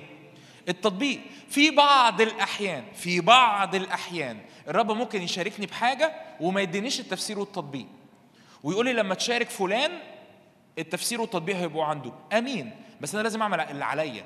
إيه اللي عليا؟ هل أنا قعدت الأول قدام الرب أطلب منه التفسير والتطبيق ولا لأ؟ بس إحنا في الغالب بنستسهل. بفترض ان أنا فاهم أو بفترض إن اللي قدامي فاهم. بس في أحيان كتير أنا مش ببقى فاهم أو أنا ببقى مفترض إن أنا فاهم المعنى. شفت نسر يبقى الرب بيقول لي مش عارف إيه شفت أسد يبقى الرب بيقول لي مش عارف وبعدين بقى نكتب بقى نعمل وعظات ونكتب بوستات ومش عارف إيه ونقول لك لو شفت كذا لو نايم على جنبك اليمين تبقى مش عارف إيه ولو نايم على جنبك الشمال تبقى مش عارف إيه ولو شفت مش عارف إيه هو ده؟ ما ينفع ما ينفع يا جماعة ما ينفعش ما ينفعش ما ينفعش. زي ما الإعلام معتمد على الروح القدس يبقى التفسير معتمد لا افتر مفيش افت... مفيش استنباط مفيش استنباط مفيش افتراضات. مفيش استنباط مفيش افتراضات. زي ما الإعلان معتمد على الروح القدس يبقى التفسير معتمد على الروح القدس يبقى يبقى التطبيق معتمد على الروح القدس. دي ده الخدمة شكل الخدمة النبوية الناضجة. في إعلان هللويا. الإعلان أنا م... فده يقول لي يعني كأني هرجع خطوة لورا. الإعلان معتمد على الروح القدس 100% ده يقول لي إن الخدمة النبوية وده برضو بيحصل في وسط المجتمعات النبوية المفتوحة على الروح القدس ومش عارف إيه بتتحول الخدمة النبوية إلى مجرد كلمات مشجعة. الخدمة النبوية مش مجرد كلمات مشجعة. أنا شاعر إن أنا عايز أقول لك والرب بيقول لك إن الرب يباركك. يا عم ما تقول لي الرب يباركك كده يعني. أنت مكبر الموضوع ليه؟ ما تقول لي الرب يباركك. أنا حاسس إن الرب بيقول إن هو بيحبك. ما تقول لي يا عم أنا أنا بحبك ولا الرب بيحبك ولا؟ لا لا نغلف أوقات بيحصل. سامحوني. وده وده اللي مع الوقت بيفقد الخدمة النبوية قوتها. ليه؟ لأن إحنا تعودنا على الكلام. اتع- اتعودنا. يعني بالنسبة لي كلام آه، ماسخ لأنه اتقال كتير وسمعته كتير. والكلام العادي بنحاول نغلفه في شكل يديه إيحاء إن أنا بقول حاجة من ربنا. هو هو هو أنت لو قلت لي ربنا يباركك ده من ربنا؟ آه بس هي مش كلمة نبوية. فبلاش الغلاف ده اللي يكبر الحاجة. ما, تعملوش. انت انت جاي تشاركني بفكرة قول لي إن دي فكرة جوايا. دي, دي أفكاري وامتحنها ونشوف ربنا هيعملها أو لأ أو انطباع عندي ايا كان. لكن هي لما تكون كلمة الرب قول لي أرجوك إن دي كلمة الرب. قول لي إن هي كلمة الرب. وقول لي ده انطباع من الرب وامتحنه. ومسؤولية الشخص إنه يمتحنه. فأول حاجة الإعلان. بستقبله من مين؟ من مين؟ من الروح القدس وما هواش مجرد كلمات مشجعة في غلاف هكذا قال الرب. لا. أنا بستقبل ال- الصورة أو المشهد أو الكلمة أو أو أو من الروح القدس. تاني حاجة التفسير. يعني إيه التفسير؟ اللي أنت شفته ده معناه إيه؟ هعتمد على مين في التفسير؟ ها؟ آه، الروح القدس. ما ما ما, ما فيش كتب تفسير أحلام. ما عندناش. أنا معتمد على مين؟ على الروح القدس. ثالث نوع من أنواع أو ثالث مسؤولية من مسؤولية الخدمة النبوية التطبيق. اللي انت بقى شفته لي ده أعمل فيه إيه؟ أتصرف فيه إزاي؟ إيه اللي الرب بيقول لي إن أنا المفروض أعمله؟ آخد خطوات على أساسه إزاي؟ وكذا. يوسف وهو بيفسر حلم فرعون. اداله التفسير واداله التطبيق. فيبحثون عن رجل حكيم يعمل ياخد الحصاد ويحوشه عشان ال... فاهمين؟ هتقولي طب ربنا ما اداليش التفسير أو ما اداليش التطبيق مش مهم بس اعمل اللي عليك. ولما تيجي تشارك الشخص قول له أنا مش فاهم ده معناه إيه؟ ما تفترضش. أنا مش عارف لسه ده معناه إيه؟ أنا صليت وأنا شاعر إن التفسير أو التطبيق عندك لكن آه أنت على الأقل تعمل دورك.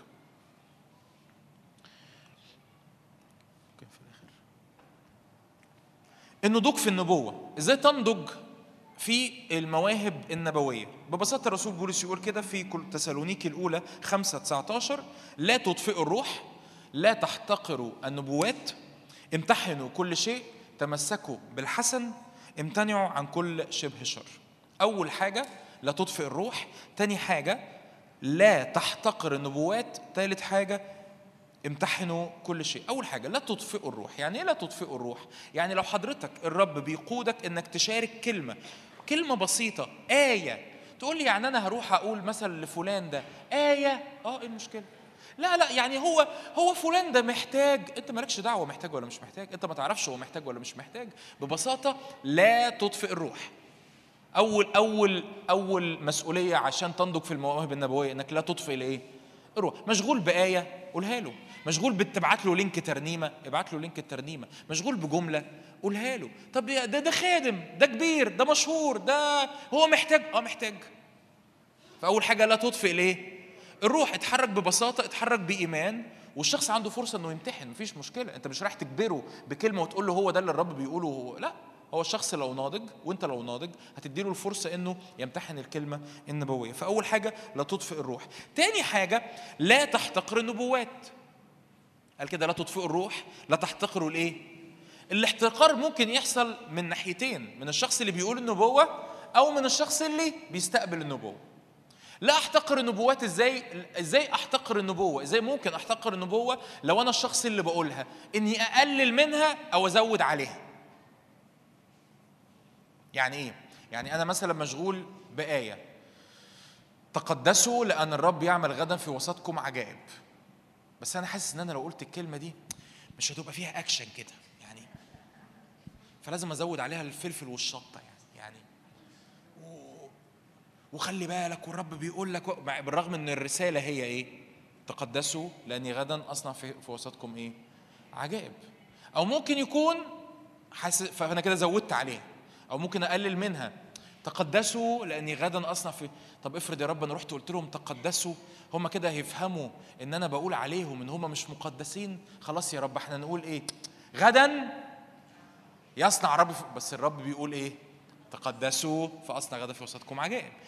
فاحتقار النبوة من اللي بيقول النبوة إن أنا ممكن أنقص منها أو أزود عليها. طب اللي بيستقبل ما ما تعملش كده أكيد ها؟ اللي بيستقبل النبوة إزاي يحتقر النبوة؟ إنه ما يمتحنهاش يتعامل معها بازدراء.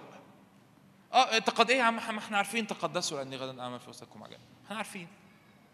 ما إحنا عارفين إن الرب الصالح ما إحنا عارفين إن الرب أمين ما إحنا عارفين إن منتظر الرب يرفعون اجنحه كالنسور إيه الجديد يعني؟ هو مش لازم كلمة الرب تكون جديد على فكرة. أوقات كتير الرب بيكلمنا في حاجات قديمة إحنا ما خلصناهاش. تمام؟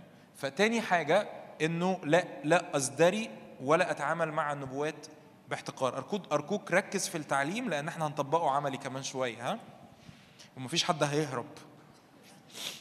ثلاثة امتحن كل شيء امتحنوا كل شيء. ال ال الحاجة الثالثة اللي اللي تعم- تعمل في حياتك انت نضوج في المواهب النبوية انك تمتحن كل شيء. تمتحن اللي انت بتقوله وتمتحن اللي انت إيه بتسمعه. أنا رحت صليت مع حد وقلت له كذا كذا كذا كذا. أنا ب... إيه، طبعا في مسؤولية مرتبطة بالخدمة النبوية. مسؤولية ليها علاقة بإن انت انت ما بتقو... انت ما بت... انت ما بتقولش للناس يتصرفوا في إيه في قرارات حياتهم. انت بتشاركهم بكلمة الرب ومش بتقول لهم إن هو ده اللي لازم. تعمله. أنا دايما بحط فرصة الامتحان ودايما بحط فرصة الخطأ. مهم إن أنا وأنا بوصل وأنا لسه بكبر في المواهب النبوية إن أنا ما أكونش بفرض الرأي على الناس وأحط عليه التاتش بتاع إشعياء النبي إنه هكذا قال الرب. ما تعملش كده. أرجوك ما تعملش كده. أمال أعمل إيه؟ أشارك الأمور ببساطة وباتضاع. فأروح لأخويا أقول له أنا شاعر إن عندي حاجة من الرب وأرجوك امتحنها. وأرجوك إيه؟ طب هو امتحنها وما عملش اللي أنا قلته. ما اقولش بقى عليه على فكرة ده بيسمع صوت الرب.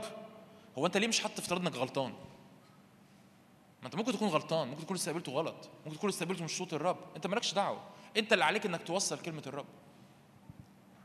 تمام؟ فانا دايما وأنا بقول الكلام وأنا بقول الاعلان وأنا بقول كلمة إعلان راكب راكب جنب سواق تاكسي ولا سواق أوبر وأنا حاسس إن هو عنده مشكلة مع مع مع متخانق مع مراته. أقول له على فكرة أنت متخانق مع مراتك والرب بيقول لك ومش عارف إيه وفي الآخر يطلع مش متجوز.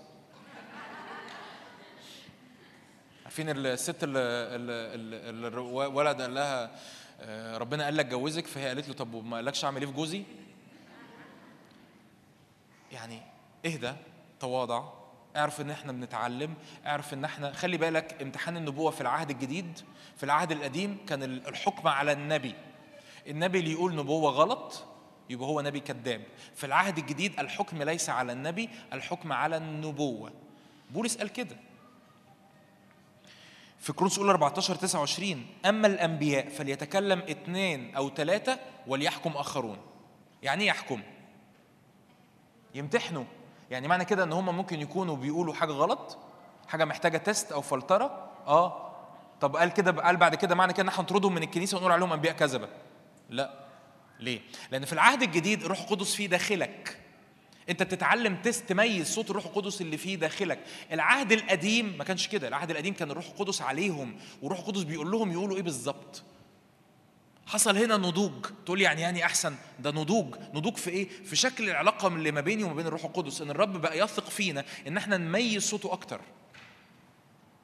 فالحكم في العهد القديم كان على الشخص. ده نبي كذاب أو ده نبي مظبوط. في العهد الجديد الحكم ليس على الشخص ولكن على الإيه؟ على النبوة نفسها على الرسالة نفسها. يتنبأ اثنين أو ثلاثة وليحكم آخرون. طب يا بولس لو لو طلع نبوة غلط ولا حاجة هيتعلم. هيتعلم. امتحنوا كل شيء وتمسكوا بالإيه؟ يعني معنى كده إن في نبوات مش حسن في نبوات مش مظبوطة. نعمل فيها إيه؟ خلاص مش هنعملها. لكن هنمتحن كل إيه؟ ده يقول لي برضو إن كلمتي لازم تبقى خاضعة للامتحان. مفيش حد كبير على الامتحان. مفيش حد كبير إنه إنه إنه واحد أصغر واحد في الكنيسة أو أصغر واحد في الجسد يجي يقول لي معلش يا جون بس الكلمة النبوية اللي أنت شاركتني بيها ما كانتش مظبوطة. أنا مش حاسس إن ده حقيقي أو مش حاسس إن ده من الرب. أو إن أنا أقول كلمة علم لشخص وأنا مفترض دي ممكن تبقى أبقى غلط. تمام؟ لأن كل ده ده ده, ده كل اللي بقوله ده جزء من عدم ازدراء النبوات. لأن الازدراء بيحصل إمتى؟ لو كلمة لا تمتحن. الجسد الجسد اللي بيدعي أو اللي بيقول على نفسه أو اللي بيحط اللقب على نفسه إن إحنا مؤمنين وبنتحرك في مواهب النبوة أو دي ده اجتماع نبوي أو ده جسد نبوي وهذا الجسد لا يمتحن النبوات بعد فترة النبوات بتفقد قيمتها. بتتحول إلى شو؟ كلام كبير كلام ضخم كل واحد بيقول اللي على مزاجه ومفيش حد بيمتحن حاجة بعد فترة الشعب نفسه بيبطل يصدق الكلام اللي بيتقال. كل مرة تقوله هيحصل وهيحصل وهيعمل وهنعمل وهيصور وهنروح وهتيجي و الكلام بيفقد معناه. ليه؟ لأن الكلمة لا تمتحن. تمام؟ فده دورنا إحنا لأن إحنا هنتحرك في هذه المواهب سواء جوه الجسد أو بره الجسد مع غير المؤمنين. دوري أنا إن أنا زي ما بقول لا أطفي الروح لا أتعامل مع النبوات بالازدراء سواء أنا بقولها أو بستقبلها. ثلاثة أمتحن إيه؟ كل شيء امتحن اللي بقوله وامتحن اللي أنا بستقبله. لو ابني الصغير حلم حلم امتحنه ممكن يكون رسالة من الرب. ده جزء من عدم احتقار النبوات ده جزء من النضوج في النبوة.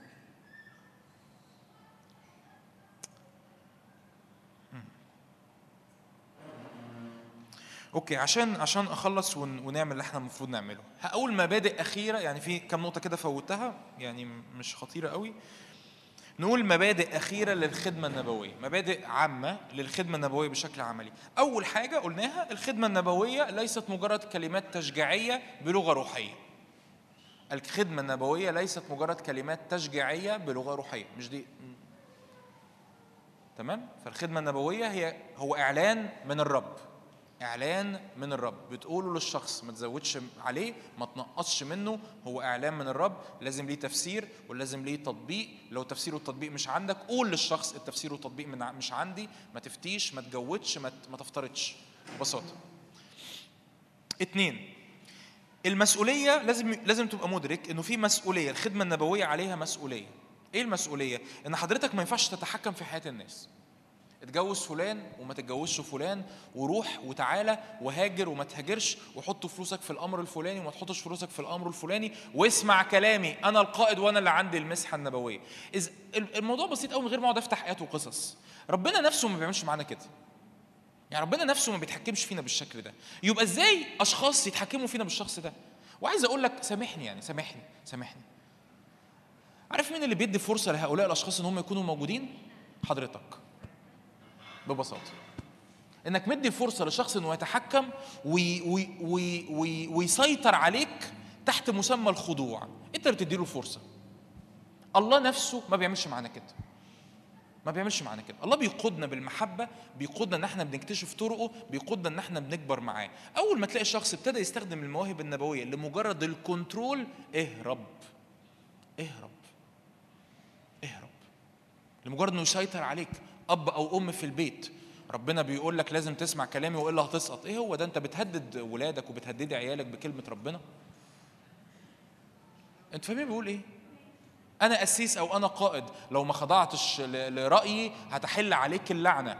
الناس بيبقى مع مش أنتوا ها؟ مش أنتوا ناس تانيين. يبعتوا لي على الفيسبوك ويتكلموا معايا. يقولوا لي أنا أنا الخادم اللي بيخدمني بيقول لي لو ما سمعتش كلامي أنت بتخرج بره الحماية. ليه ليه؟ ليه هو أنت ربنا؟ هو انت ربنا لما ما اسمعش كلامك اخرج بره الحماية ليه؟ هو هو انت هو انت العلي وأنا ساكن في ستر العلي يعني انت مش العلي آخر معلومة عندي انت مش انت مش العلي انت مجرد إنسان. آه لو كلامه لو كلامه ده هو الكلمة يعني بيقول لي مثلا لا تزني لا تسرق ساعتها ما بقاش كلامه. ساعتها ما بقاش كلامه. ساعتها بقى كلمة الرب. لكن لو كلامه ده إني أتجوز أو أهاجر أو أعمل أو ما أعملش أو أدفع عشوري كذا وما أدفعش كذا ساعتها ده بقى كلامه. وساعتها خروجي عدم رغبتي في تتميم كلامه لأن أنا مش مش مش لأن أنا عنيد مش لأن أنا قليل الأدب. يا جماعة الخضوع هو خاضعين بعضكم لبعض في الرب. يعني بحسب قيادة الرب بحسب رأي الرب بحسب كلمة الرب. يعني لو لو لو هذا الشخص بيقول لي حاجة وأنا لا أشعر إن هي من الرب ده المفروض القائد ده أو أو الراعي أو أو أو يقول لي حبيبي أنا بقول لك اللي في قلبي واللي في رأيي من محبتي لكن أنا في كل ده ده القائد ده الأب ربنا يعمل إيه؟ لو أنا ما سمعتش كلامه. يرعاني برضه ويحفظني برضه ويظلل عليا برضه. التهديد والتخويف والترهيب و و كل ده من إبليس. مش من الرب. فالخدمة النبوية عليها مسؤولية. إيه المسؤولية؟ إن أنت مش بتتحكم في حياة الناس إن أنت مش بتقود حياة الناس أنت مش بتقرر طب افرض شخص مثلا شاب أنا برعى شاب وجي قال لي أنا هتجوز فلانة إيه رأيك؟ هصلي. وهاخد كلمات من الرب. وهستقبل من الرب وهكذا. وعلى قد المساحة اللي هو مديها لي هشاركه الانطباعات اللي جوايا. لكن في الآخر القرار مين؟ قراره هو. طب هو قال لي أنا مش مستريح وهو بالرغم إن أنا مش مستريح هو رأيه إن هو يتجوزها. كل بركتي وكل سلامي وكل فرحي لأن هو ابني الروحي. مش هقول له أنت هتخرج بره الحماية. وأوعى ما تسمعش الكلام. والكلام لينا وللسامعين احذروا احذروا احذروا. صدقوني. صدقوني اللي بيدي فرصة لهؤلاء الأشخاص إن هم يكونوا موجودين هو حضرتك.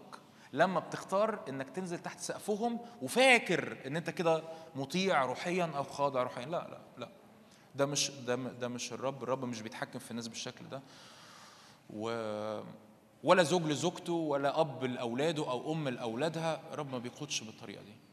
ما بيقودش بيقودش بالترهيب والتهديد والتخويف وهكذا قال الرب ولو ما سمعتش كلامي ويلك وسود ليلك فالخدمة النبوية ليها مسؤولية. أرجوك ما تتلاعبش بكلمة الرب ما تتحكمش في حياة الناس بكلمة الرب ما تجوزش الناس على مزاجك وتهجر الناس على مزاجك وتشغل الناس على مزاجك وتقعدهم في البيت على مزاجك و...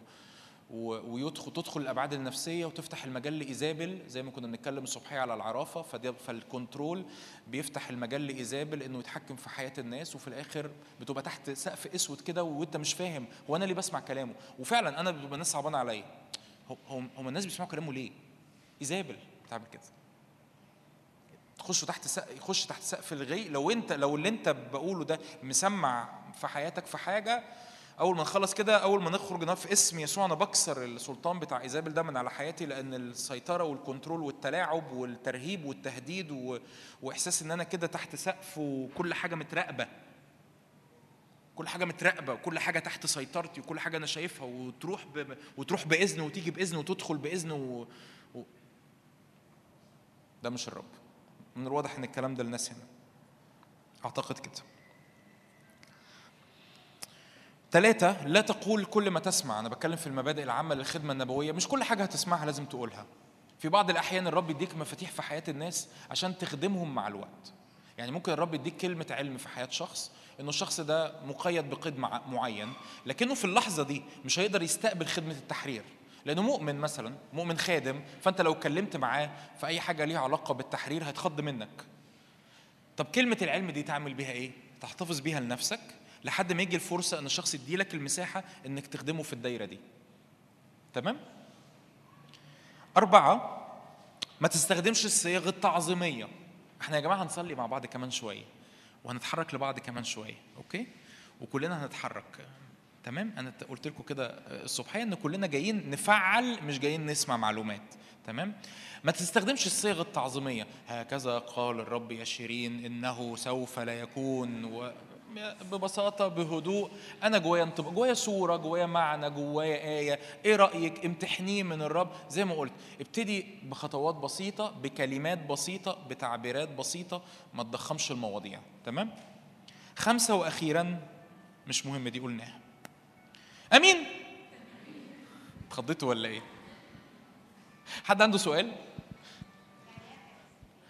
ما إحنا اتكلمنا عنها. العي... العيافة ال... العر... العرافة إني أسمع من من أرواح شر العيافة هو إني أنطق اللي أنا بسمعه ببساطة. جاي الساعة 6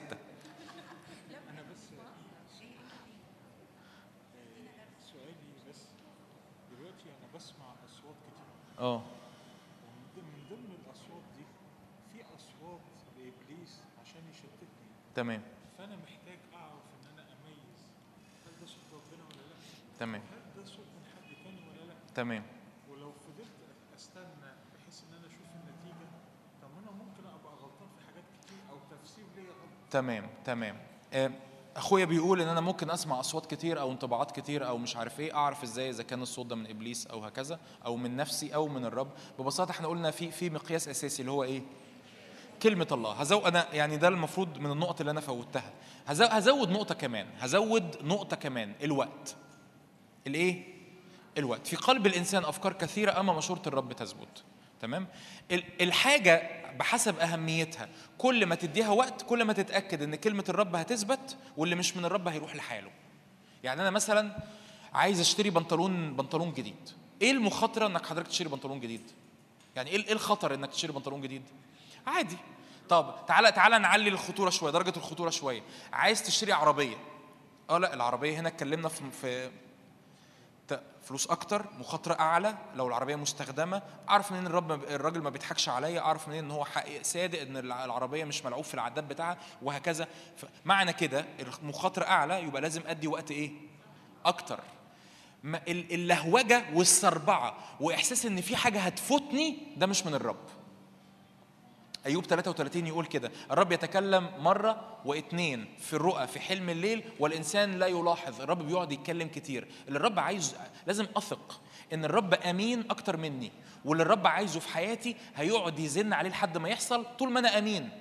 في فرق ما بين أنا مش عارف أسمع صوته أو مش مميز أو لسه صغير وما بين إن أنا مش أمين. لو أنا أمين أنا يا رب عايز أطيعك عايز أسمع صوتك. لكن بتعلم إن أنا أسمع صوته أو بتعلم إن أنا أميز أو أوقات بتلخبط ما تقلقش. لأن أنا إيه؟ لأن أنا إيه؟ أمين. الخطورة هو في عدم الأمانة إن أنا يعني مش فارقة معايا كلمة الرب. ودي مش الكسر اللي إحنا بنتكلم عنه فلو أنا أمين وعايز أسمع صوت الرب بحسب حجم الحاجة بحسب الوقت اللي أنا هديه هتجوز. هزود الوقت. لو هشتري عربية في شهر فأنا هفكر في موضوع الجواز وأصلي وأسأل وأحط الموضوع قدام الرب ثلاث أشهر. ههاجر. كل دي قرارات إيه؟ كبيرة قرارات مصيرية قرارات فيها مخاطرة عالية فمحتاج أد- أن أنا أديها وقت أكتر. فاول امتحان كلمة الله تاني امتحان الوقت ثالث امتحان القيادة الروحية. هل في قيادة روحية في حياتي ولا لأ؟ تشترك معايا في امتحان الكلمة. في قيادة روحية. أنا مش على راسي. فأنا هتجو أنا شاب هتجوز في قيادة روحية. طب أنا راجل متجوز بس هتفرغ الخدمة في قيادة روحية. طب أنا راجل متجوز وهنهاجر أنا ومراتي في قيادة روحية. ففي رأي غيري أنا وغير مراتي أو غير الشخص اللي هم المشتركين في في القرار بيمتحنوا الصوت ده. هو ده من الرب بجد ولا لأ؟ مش أكيد مش بتحكم. أكيد بقى مش هلغي كل اللي أنا قلته أو مش هعيده. مش بتحكم مش بسيطرة مش كل ده. لكنه بيديني رأيه. أنا محتاج محتاج رأيه. أربعة مشورة الله العامة في حياتي. يعني الله عنده مشورة وعنده رأي وعنده دعوة. فأنا بقالي سنين عمال أزرع وعمال أخدم والرب بيكلمني عن الوطن العربي وبيكلمني عن مصر ومش عارف إيه. وفي يوم كده وأنا نايم حلمت حلم إن أنا بسافر أمريكا. هل ممكن يكون من الرب؟ ممكن ممكن. بس ممكن يكون مش دلوقتي. طب هيحصل إمتى؟ طب هيحصل إزاي؟ وممكن يكون مش من الرب خالص. ليه؟ لأن ده حلم. آه، بعيد خالص عن مشورة الله لحياتي اللي أنا مميزها النهارده. تمام؟ ال- ال- التست الخامس والأخير هو رأي الجسد اللي مرتبطة بيه الكلمة يعني إيه؟ يعني أنا بقول مشاركة عن الخدمة. ففي جسد خدمة لازم يمتحن معايا الكلمة. بقول رأي عن البيت عيلتي. فلازم عيلتي تشترك معايا في امتحان الكلمة. تمام؟ فدي كلها امتحانات تأكد لي مع مع مرور الوقت بأمانة وببساطة إن الرب أمين أكتر مني الرب أمين على حياتي أكتر مني الرب صادق إنه يقودني لو أنا عايز قيادته. ما خافش ابدا السربعة تاني السربعة مش من الرب. إحساس إن الفرصة هتفوتني مش من الرب. ببساطة قول لنفسك كده لو الرب عايز الأمر ده. هيثبت لحد ما أنا اتاكد ان هو من الرب ببساطه.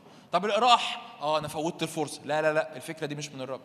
ايا كان بقى بتتكلم على حاجة بتشتريها على جوازه على هجره على على. تقول لي طب افرض أنا غبي. يا سيدي ما تخافش في أحد أحد رجال الله قال كده الرب مدخل غبائك في حساباته. دي حاجة مشجعه. الرب مدخل غبائنا أو بطئنا أو مش غبائي أنا الرب مدخل غبائي وبطئي وعدم فهمي في كثير من الأحيان في حساباته. هو عارف إن جون مثلا ولنفترض جون المفروض ياخد القرار ده يوم 20 أكتوبر 20 2023 بس هو عارف إن جون ده غبي وفهمه بطيء وتمييزه بطيء ومحتاج ثلاث أشهر عشان يفهم. هيكلمني قبلها بثلاث أشهر. عشان لما أوصل للتاريخ ده يبقى هو خلاص هو اتأكد وسمع وميز وكل حاجة. هو مدخل كل حاجة في حساباته. فما تقلقش. عجبتك؟ حد تاني عنده سؤال أو؟ أنا مش سامع.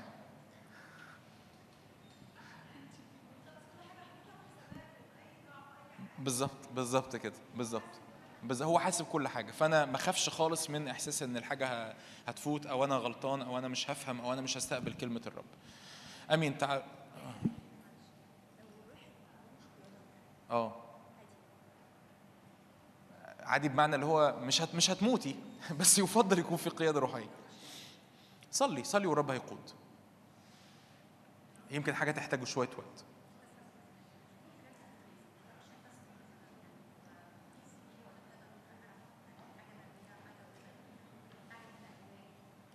ممكن ممكن مثال؟ آه آه. هو في أختي بتسأل إزاي أميز حاجة مرمية أو أنا كنت فرحانة ما بقتش فرحانة؟ هو في كل الأحوال إحنا بنتحرك مع الرب بالإيمان مش بالمشاعر. بالإيمان مش بالمشاعر. يعني أنا مدرك إن أنا طول الوقت تحت سماء مفتوحة. مدرك إن أنا طول الوقت ملتصق بالرب. فأنا دخلت الاجتماع حسيت إن أنا مفصولة. هقعد أسأل هو ده من الرب ولا مش من الرب؟ واكيد مش من الرب. لأن حالتي الروحية إن من ألتصق بالرب فهو روح واحد. أنا حاسس إن أنا مش فرحان مش قادر أرنم. طب ما يمكن مش من الرب؟ لا هو مش من الرب. طب ما هو مش من الرب. ده أكيد أكيد ربنا مش هو اللي مرميني الإحساس ده. طب يمكن ربنا ممكن يكون في خطية في حياتي محتاج أتوب عنها. يا سيدي اسأل ربنا. هو في يا رب خطية محتاج أتوب عنها؟ ربنا ما بيردش عليا. خلاص يبقى ما فيش. لا هو في خطية وأنا عايز أتوب عنها وفي خطية ربنا عايزني أتوب عنها وأنا نفسي أتوب بس أنا مش عارف أسمع صوت ربنا. لا هو ما فيش دي شكاية. يعني أنا جاي أتوب بقول له رب قول لي إيه اللي أنا محتاج أتوب عنه و... وأنا مش عارف أميز إيه هو ده. ربنا أبسط من كده وأسهل من كده. لو في خطية أنا محتاج أتوب عنها هيقول لي وأنا عايز أنا مش مش متكبر أنا عايز أسمع اللي هو فهيقول يعني. كان في حد رفع؟ آه. علي صوتك.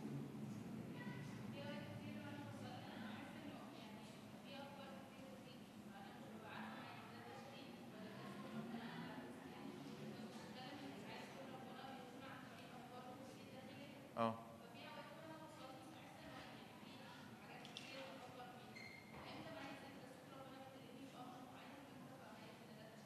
أيوه يعني آه، هت انت هتميزي. يعني الأفكار دي هل الأفكار دي بتبعدك عن حضور ربنا؟ اللي هو مثلا مثلا أنا بصلي باخد خلوتي فأفكار أفكار ليها علاقة بالشغل. خوف وقلق واضطراب على بكرة والفلوس والمرتب هيعملوا فيه إيه؟ والدولار. تفتكري ده من الرب ولا لأ؟ تمام. ممكن برضو أفكار عن الشغل بس أفكار آه، يا نادو ما تخافيش ما تقلقيش. كل الأمور في إيدي ورب ينجح طريقك. ده عن الشغل وده عن الشغل بس نوعية الأفكار هتبين إذا كان ده من الرب ولا لأ. آه يعني ممكن الرب يتكلم في الشغل برضو فمش كل أفكار عن الشغل هي تشتيت ممكن برضو يكون الرب اللي بيتكلم عن الشغل بس الصوت عامل إزاي؟ ال ال آه، زي ما كنا بنقول بحسب شخصية الله اللي في الكتاب المقدس هل الصوت ده فيه انزعاج وقلق واضطراب ولا الصوت ده فيه سلام وقيادة وسيادة الله على الأمور؟ هو ده اللي هيميز إنه من الرب ولا لأ؟ آمين. شكر ربنا. آمين. تعالوا نقف مع بعض. يعني في اسم يسوع نلحق نخلص تسعة. وانت واقف كده مكانك إحنا هنفعل إحنا هنشتغل. ولا فيش استثناءات. اللي, اللي مش هيشتغل هيدفع غرامة. أي حاجة. آمين. غمض عينك. قول يا رب شكرا لأنك صالح لأنك أمين. لاننا من خرافك وشكرا يا رب لأني أسمع صوتك. ال streaming؟ لا لا نقفل. ريمون؟ أيوة. عايزين يا جماعة.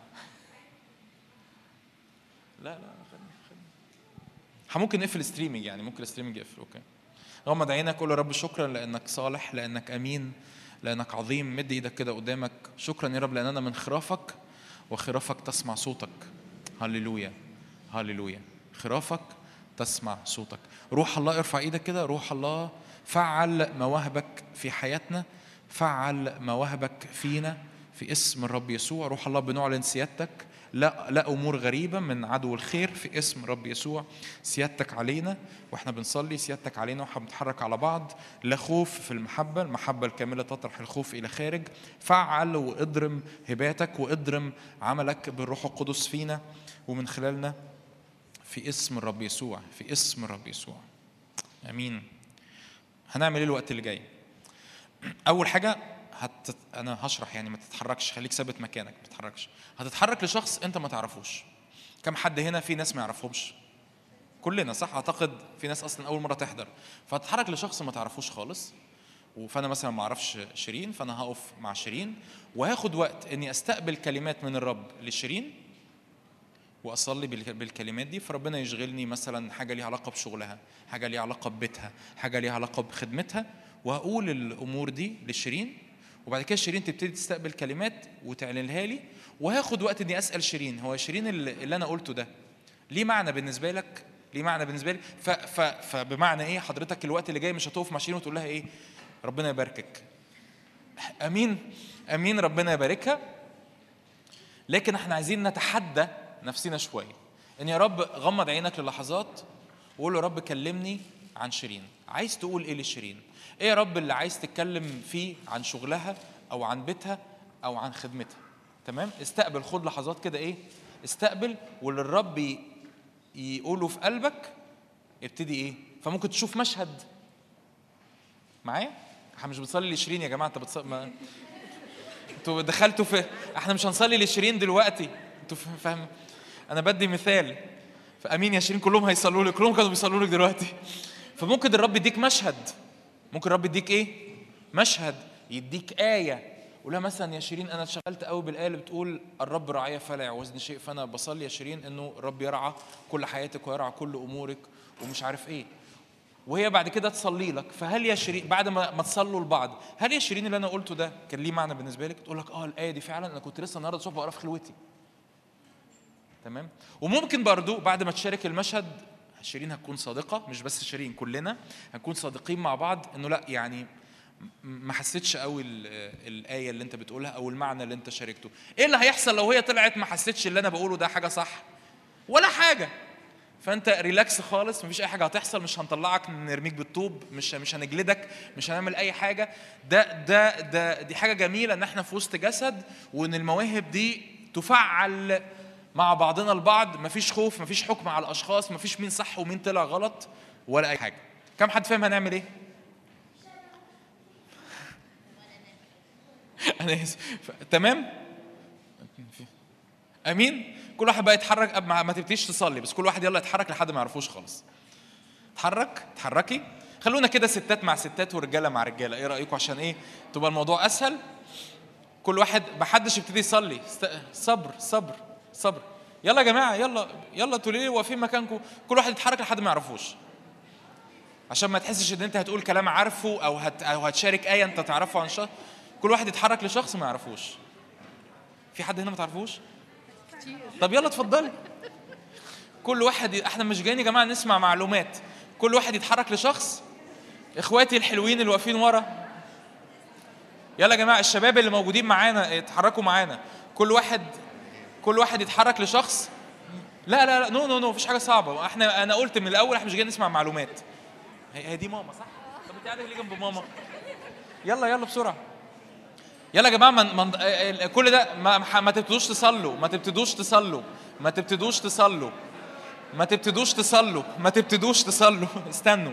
الصبر استنوا. كل واحد يتحرك لشخص ما يعرفوش. أنا عايز نستنى ن- كل الناس تكون اتحركت. في حد لسه واقف جنب صاحبه؟ في واحدة لسه واقفة جنب صاحبتها؟ في حد واقف لوحده؟ في تعالى معاهم هنا.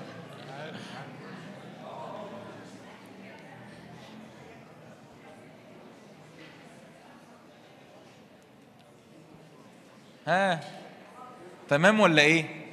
تمام ولا إيه؟ في حد واقف لوحده يا جماعة؟ ريمون ساعدني هاله طب اتحركي يا مونيكا لأي حد. يلا أميرة ما أكيد في ناس ما تعرفهمش أميرة.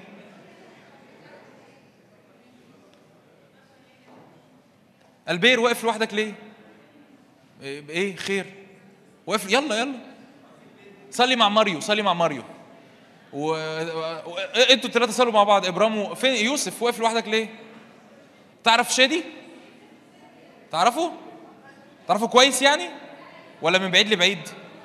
بولا بولا. شايف بولا؟ ما بيعملش حاجة اهو. اقف مع بولا. يلا يلا.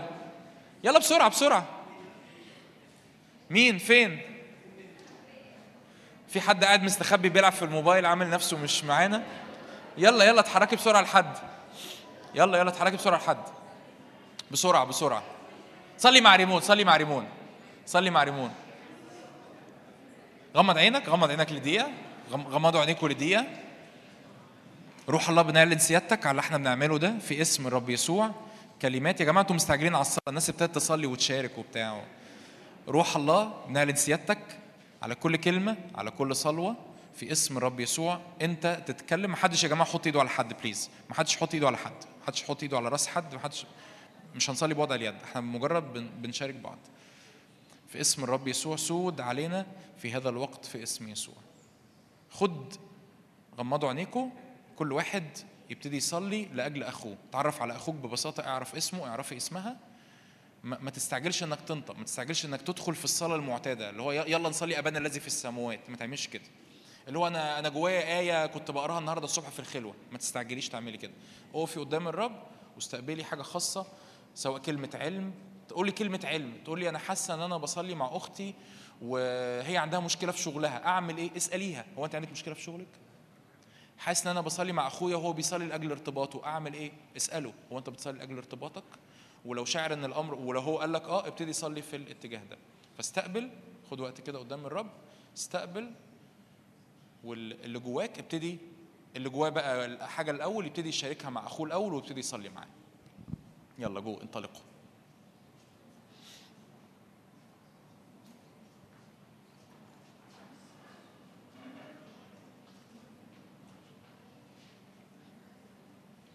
ونخلي ردود أفعالنا إيه هادية. يعني لو أنت حاسس إن الكلمة غلط تقول له لا يعني ما, ما كانتش مظبوطة قوي بهدوء كده بمحبة. وإحنا عارفين إن إحنا بنتعلم بنكبر.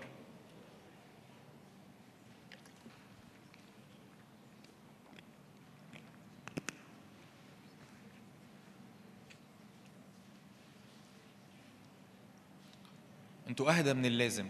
صوتكم واطي قوي. خايفين؟ ببساطة بإيمان صورة أو انطباع أو معنى أو آية ببساطة ببساطة.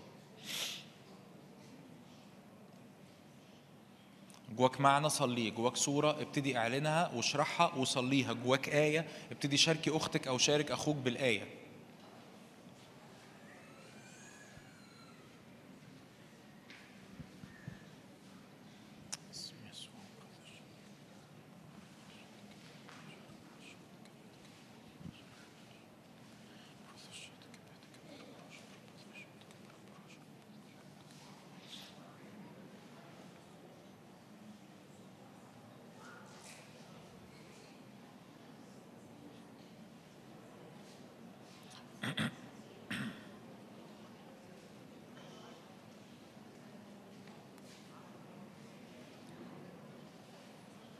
مالك يا حبيبي؟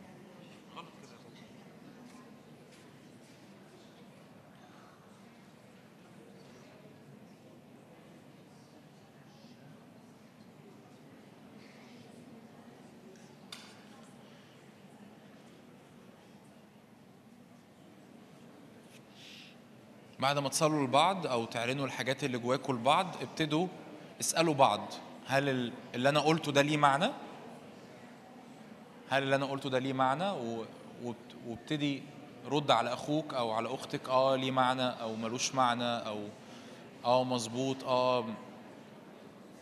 الكتاب بيقول يمكنكم جميعكم أن تتنبؤوا يمكنكم جميعكم أن تتنبؤوا صدق الآية وفعل اللي إحنا كنا بنعمله وفعل اللي أنت استقبلته في الصلاة إن يمكنكم جميعكم أن تتنبؤوا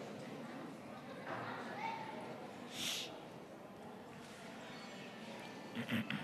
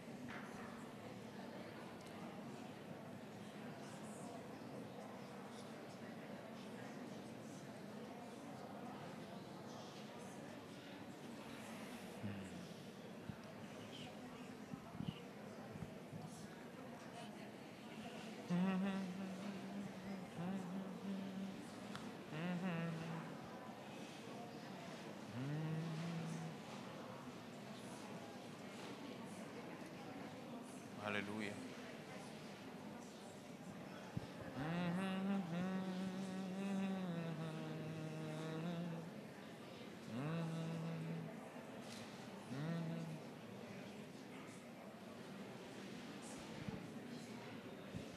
اللي يخلص يقعد مكانه عشان أعرف يعني أعرف بس مين اللي خلص ومين لسه محتاج وقت.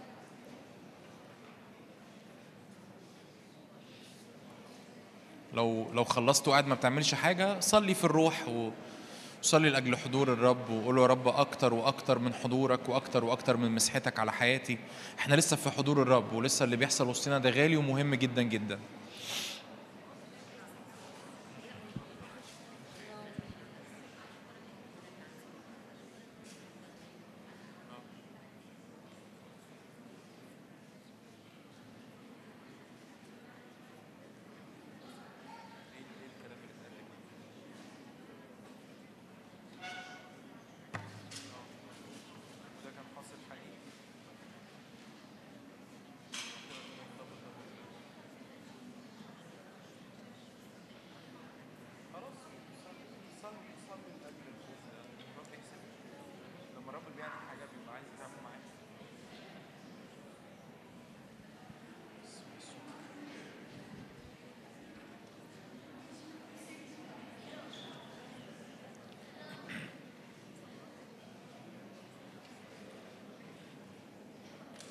كم حد اتصلى يعني استقبل كلمة أو صلوة من أخوه أو من أخته وكان حاسس إن هي يعني في الجون.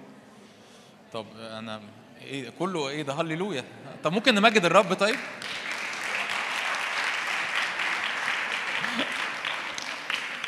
أصل الكتاب المقدس بيقول يمكنكم جميعكم أن إيه؟ أن تتنبأوا. يمكنكم جميعكم أن إيه؟ أن تتنبأوا. مين بقى اللي رفع الحلوين اللي رفعوا أيديهم دول؟ اللي لسه بيصلي خليك لسه كمل تصلي. اللي رفعوا أيديهم الحلوين دول يحب يجي يشاركنا. مش لازم تشاركنا بالتفاصيل يعني الشخصية وال... بس تشاركنا بحاجة كده عشان نتشجع مع بعض. عايز تتفضلي تعالي. ها. أنا. سوري أيوة أنا صليت مع أختي وصلت لي.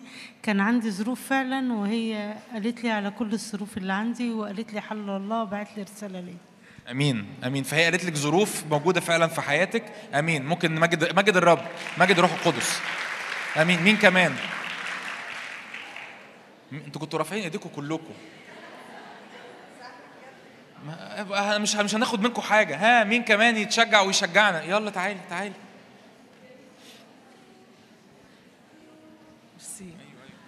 أنا كنت بتكلم مع أختي وأول مرة أتعرف بيها وبعدين بقول لها آه، حاجة كده قالت لي أنا بيتي فاتحه للرب وقلت لها بيتك هيبقى منارة جميلة في المكان اللي أنت فيه وهتبقي سبب بركة للآخرين وطلعت آه، مرات شيخ كبير واللي أنا قلته لقيته يعني حسيت إن أنا ما اعطيتهاش حاجة لكن الرب اعطاني كلمة قلت لها آه، أول حاجة تقولي إنما خير ورحمة يتبعاني كل أيام حياتي وأسكن في بيت الرب بيتك هيبقى للرب وكل ما تطلبيه هتكون موجود.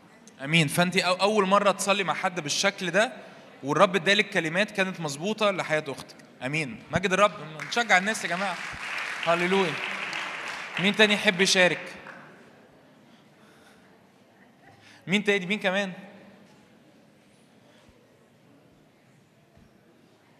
أيوه أنت. مش رفعت إيدك من شوية؟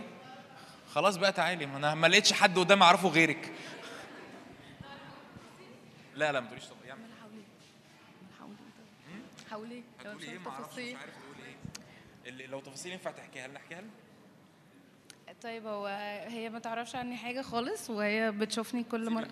okay. بتشوفني كل برضو كمان. آه، بتشوفني كل مرة في الاجتماع وكده وما تعرف. okay حاضر. خلاص كده أهو. عشان نسمعك آه. أوكي خلاص. آه، بس فهي قالت لي يعني كل الأفكار اللي بتدور في دماغي إنه الخوف يعني راحة في اسم يسوع. فصلت صلاة أنا كنت محتاجاها وكنت بشارك هلا لسه يعني من عشر دقايق بالأفكار دي وهي يعني قالت لي إجابات واضحة جدا من الرب يعني فشكرا. آمين آمين. أوتوماتيك كده أوتوماتيك. تخلص المشاركة تسقف على طول. آخر مشاركة عشان ما أطولش عليكم. تعالي يا إيمان.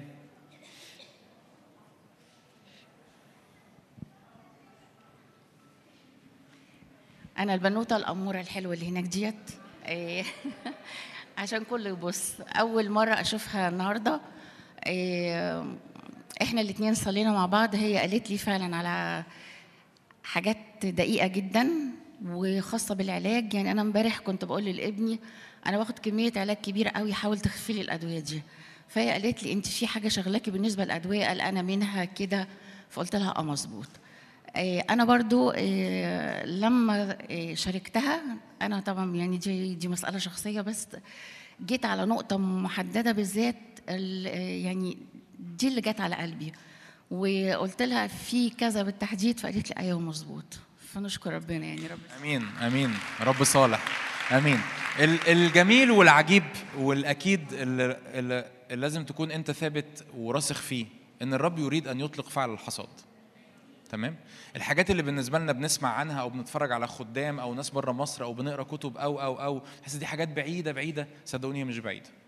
هو الموضوع بيحصل ببساطة الإيمان اللي إحنا مارسناه النهاردة مع بعض. ببساطة الإيمان اللي اللي مارسناه ده انه أنا مصدق ان الرب بيكلمني ومصدق ان الرب عايز يكلم الناس سواء الناس دول مؤمنين في جسد الرب أو غير مؤمنين محتاجين يسمعوا صوته وأنا اثق ان الرب يديني كلمات ويديني مش كل مرة هنعمل مش كل مرة هبقى في اجتماع هنعمله كده وفي واحد يقول لك روح اتحرك لحد ما تعرفوش.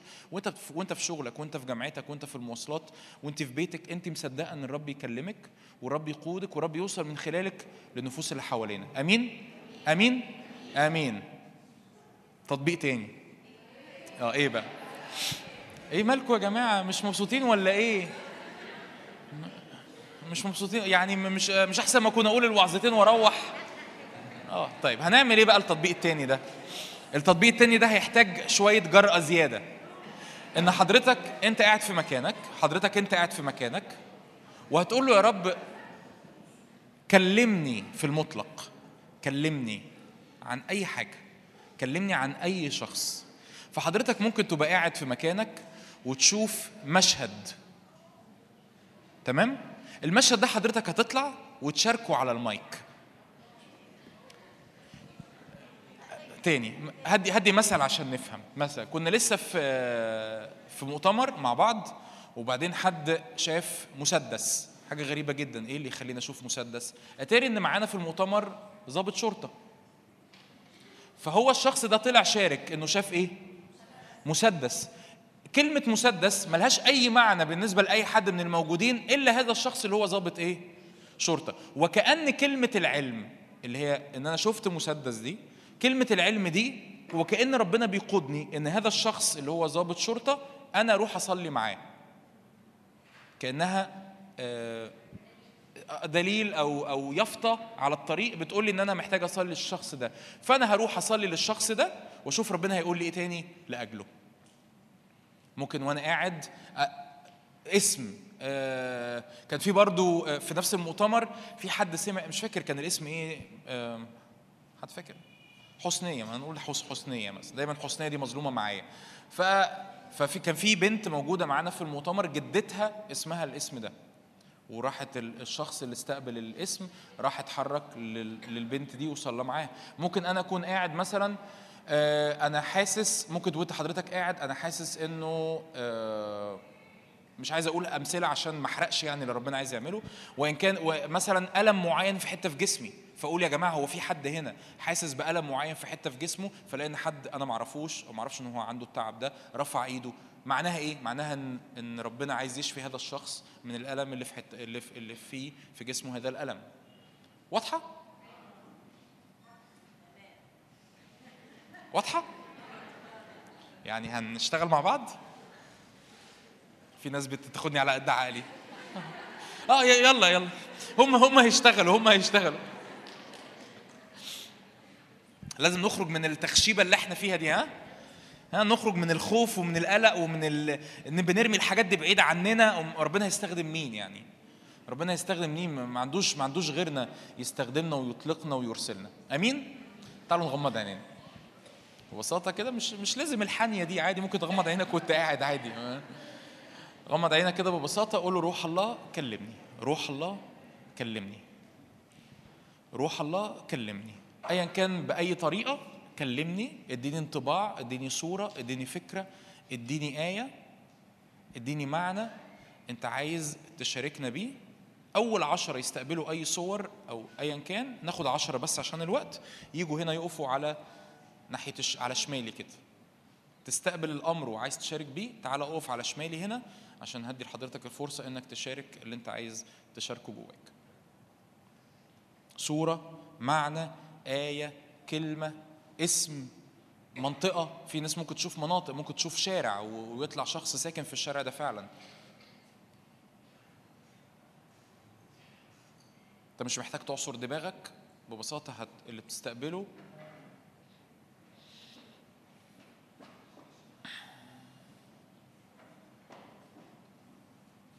لو استقبلت حاجة تعالى على شمالي على طول.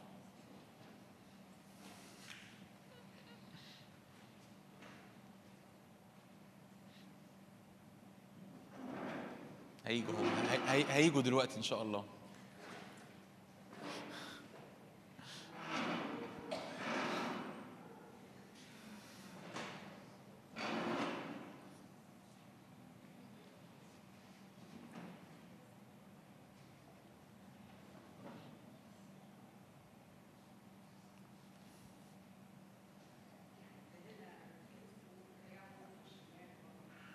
طب ماشي. في حد يا جماعة هنا دراعه الشمال وجعه؟ واحد اتنين تلاتة. صح شادي انت كنت رافع إيدك؟ إيه قال إيه؟ ربنا يسامحك. ففي اتنين اهم ممكن حضرتك تصلي معاهم؟ تحر- تحرك لهم صلي لأجل شفاء الكتف الشمال. ممكن تحركوا لها طيب؟ تحركوا لها؟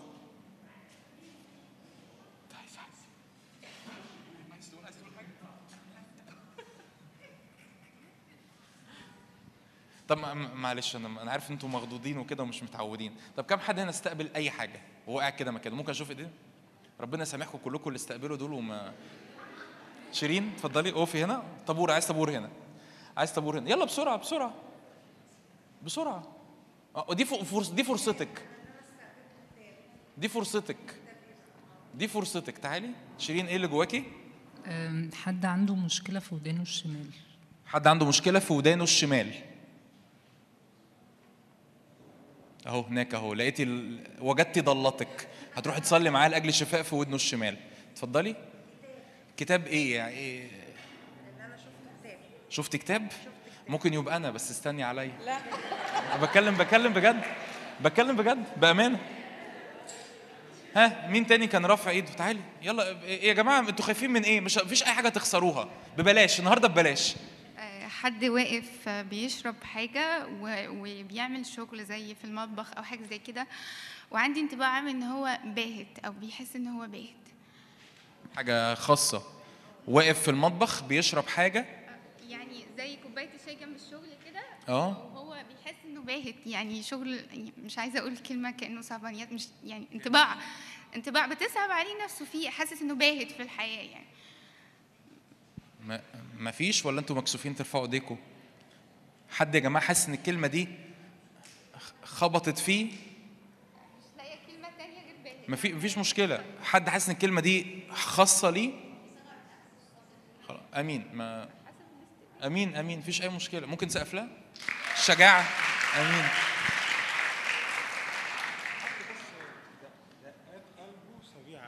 حد دقات قلبه سريعة. حد بيعاني من مشكلة في دقات قلب سريعة. اتفضل. اتحد مع مع أختي لأجل الصلاة لأجل شفائها ربنا يشفيك آمين. آمين. في اسم يسوع بنعلن شفاء لدقات القلب السريعه حط إيدك على قلبك. في اسم يسوع بنعلن شفاء لدقات القلب السريعه شكرا يا رب لأنه زي بارتيماوس قم هو ذا يناديك. رب ينادي عليكي بكلمة العلم. في اسم يسوع شفاء شش، بنصلي اتحد معايا. في اسم يسوع شفاء لدقات قلبك السريعة في اسم يسوع. آمين. شكرا. ممكن نشجعه؟ آمين. ها مين كمان؟ تعالي. أنا قلت لكم عايز طابور هنا مفيش حد بينصفني ليه في ال... تعال. لا مستاهل. أنا عايز أنا بحب الطوابير أنا. شفت إزازة خمر؟ أو خمر بتتدلدق. أو حاجة سكيب خمر أو يعني من الأول بقى لي سكيب خمر بيتدلدق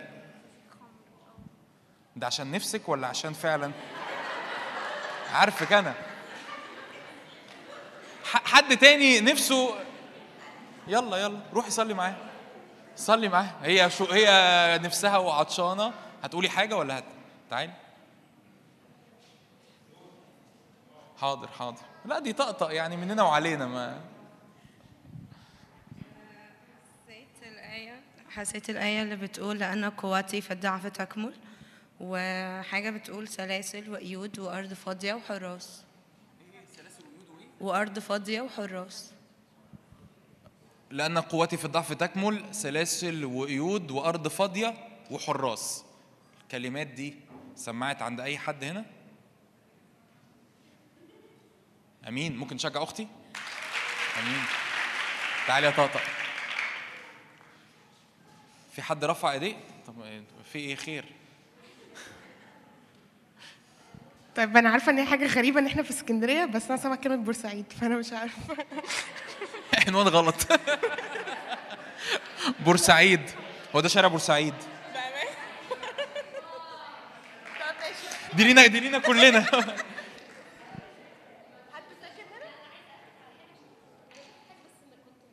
بصلي مع حد مش أنا اللي هي شارع بورسعيد عند كريستال عصفور ما حدش يقول فهي لما قالت بورسعيد آه يعني انت برضو شفتي مشهد كريستال عصفور؟ بس شارع بورسعيد. أيوه أيوه. بورسعيد حسيت إن أنا عايزة طب في في يا جماعة حد هنا الكلام ده بالنسبة له ليه معنى؟ عنوانه سكنه بيته؟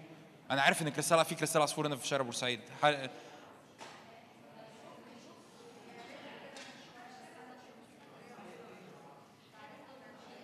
شغالة في الكريستال طيب؟ صلوا صلوا مع بعض صلوا مع بعض. أنا يعني ليه ما في- ما فيش غير أخويا اللي شجعني من من الذكور اللي موجودين. بقول ذكور يا إيمان. بقول ذكور يا إيمان. بقول ذكور يا إيمان. ما ال- الستات شجعان و اتفضلي توصلي بالسلام. تعالي يا إيمان تعالي. بس عايز ذكور برضو.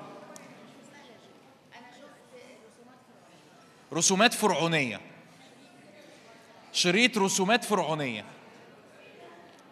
شريط رسومات فرعونية. هل حد هل دي حاجة ملمسة مع أي حد هنا؟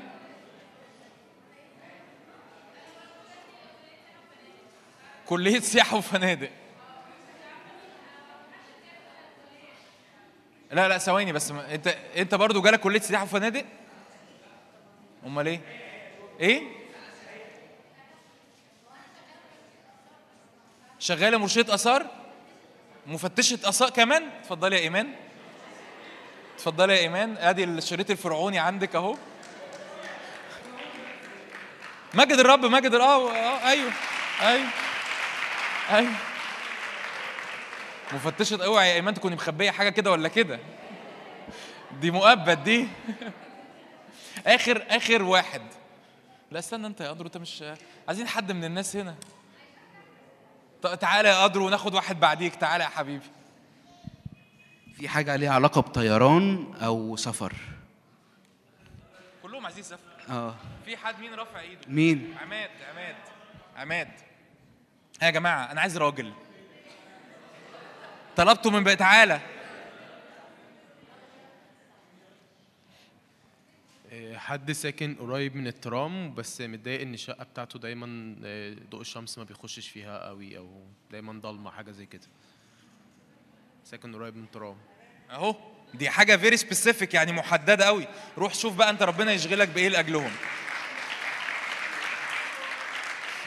حاسه حاسه حاسة بتقولي جواكي إيه الفضايح دي؟ يعني ما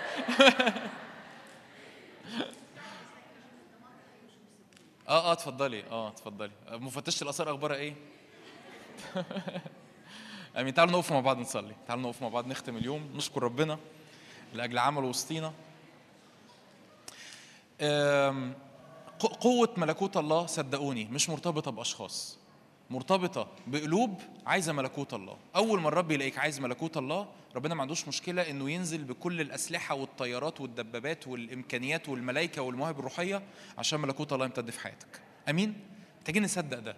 إن عمل ملكوت الله وعمل المواهب في حياتك مش مرتبط بأي حاجة مرتبط بعطشك وإنك تقول له يا رب ها أنا ذا أرسلني. فيا رب إحنا رافعين إيدينا قدامك بنشكرك لأجل كل أمر عظيم أنت صنعته في حياتنا نشكرك لأجل كل أمر عظيم أنت صنعته في حياتنا. شكرا يا رب لأنه إرسلنا إرسلنا. شكرا يا رب لأنك وريتنا النهارده بطريقة بسيطة بطريقة سريعة إنك ينفع تستخدمنا. أشكر الرب. ينفع تستخدمنا ينفع ترسلنا ينفع تمسحنا ينفع تفعل مواهبك في حياتنا ينفع تفعل إمكانياتك في حياتنا. شكرا لأنك إله عظيم. هللويا هللويا. ممكن يا ريمون قد جاءت أيام الحصاد؟ تعالى يا ريمون. ماليش غيرك أنا يا ريمون تعالى تعالوا نختم بالترنيمة دي. روح الرب علينا. أرسلنا لنعلن خلاص في اسم الرب يسوع. روح الرب علينا. أرسلنا لنعلن خلاص لأنه قد جاءت أيام الحصاد. هللويا. هللويا هللويا نعلنها بفرح نعلنها بإيمان. شكرا يا رب لأجل المسحة شكرا لأجل السكيب شكرا لأجل التفعيل شكرا لأجل الإيمان شكرا لأجل القوة شكرا لأنك تريد أن ترسلنا شكرا يا رب لأنك بتفعلنا كلنا كلنا فعلة. تقول لي طب أنا الإظهارات يمكن ما اشتغلتش قوي في حياتي يمكن اتبع جد. الكتاب يقول كده جدوا للمواهب الروحية. أنت بتطلب الرب وبتطلب الرب وبتطلب الرب وبتسير ورا الرب وبتكتشف الهبات والإظهارات ومواهبك وإمكانياتك والخدمة ودعوة الرب لحياتك وبتكتشف ورا الرب. لكن ببساطة الرب بيورينا النهاردة إنه ده ممكن ده ينفع يحصل. بناس أنت بتشوفهم كل يوم تلات وحاسس إن هم مش خدام ولا بيقفوا على منابر لأن الموضوع ملوش علاقة بالمنابر. الموضوع له علاقة بالروح القدس اللي ساكن فينا وملكوت الله اللي يمتد في حياة النفوس حوالينا. في اسم الرب يسوع. اسم يسوع. هللويا. هللويا ربي علينا أرسلنا لنعلن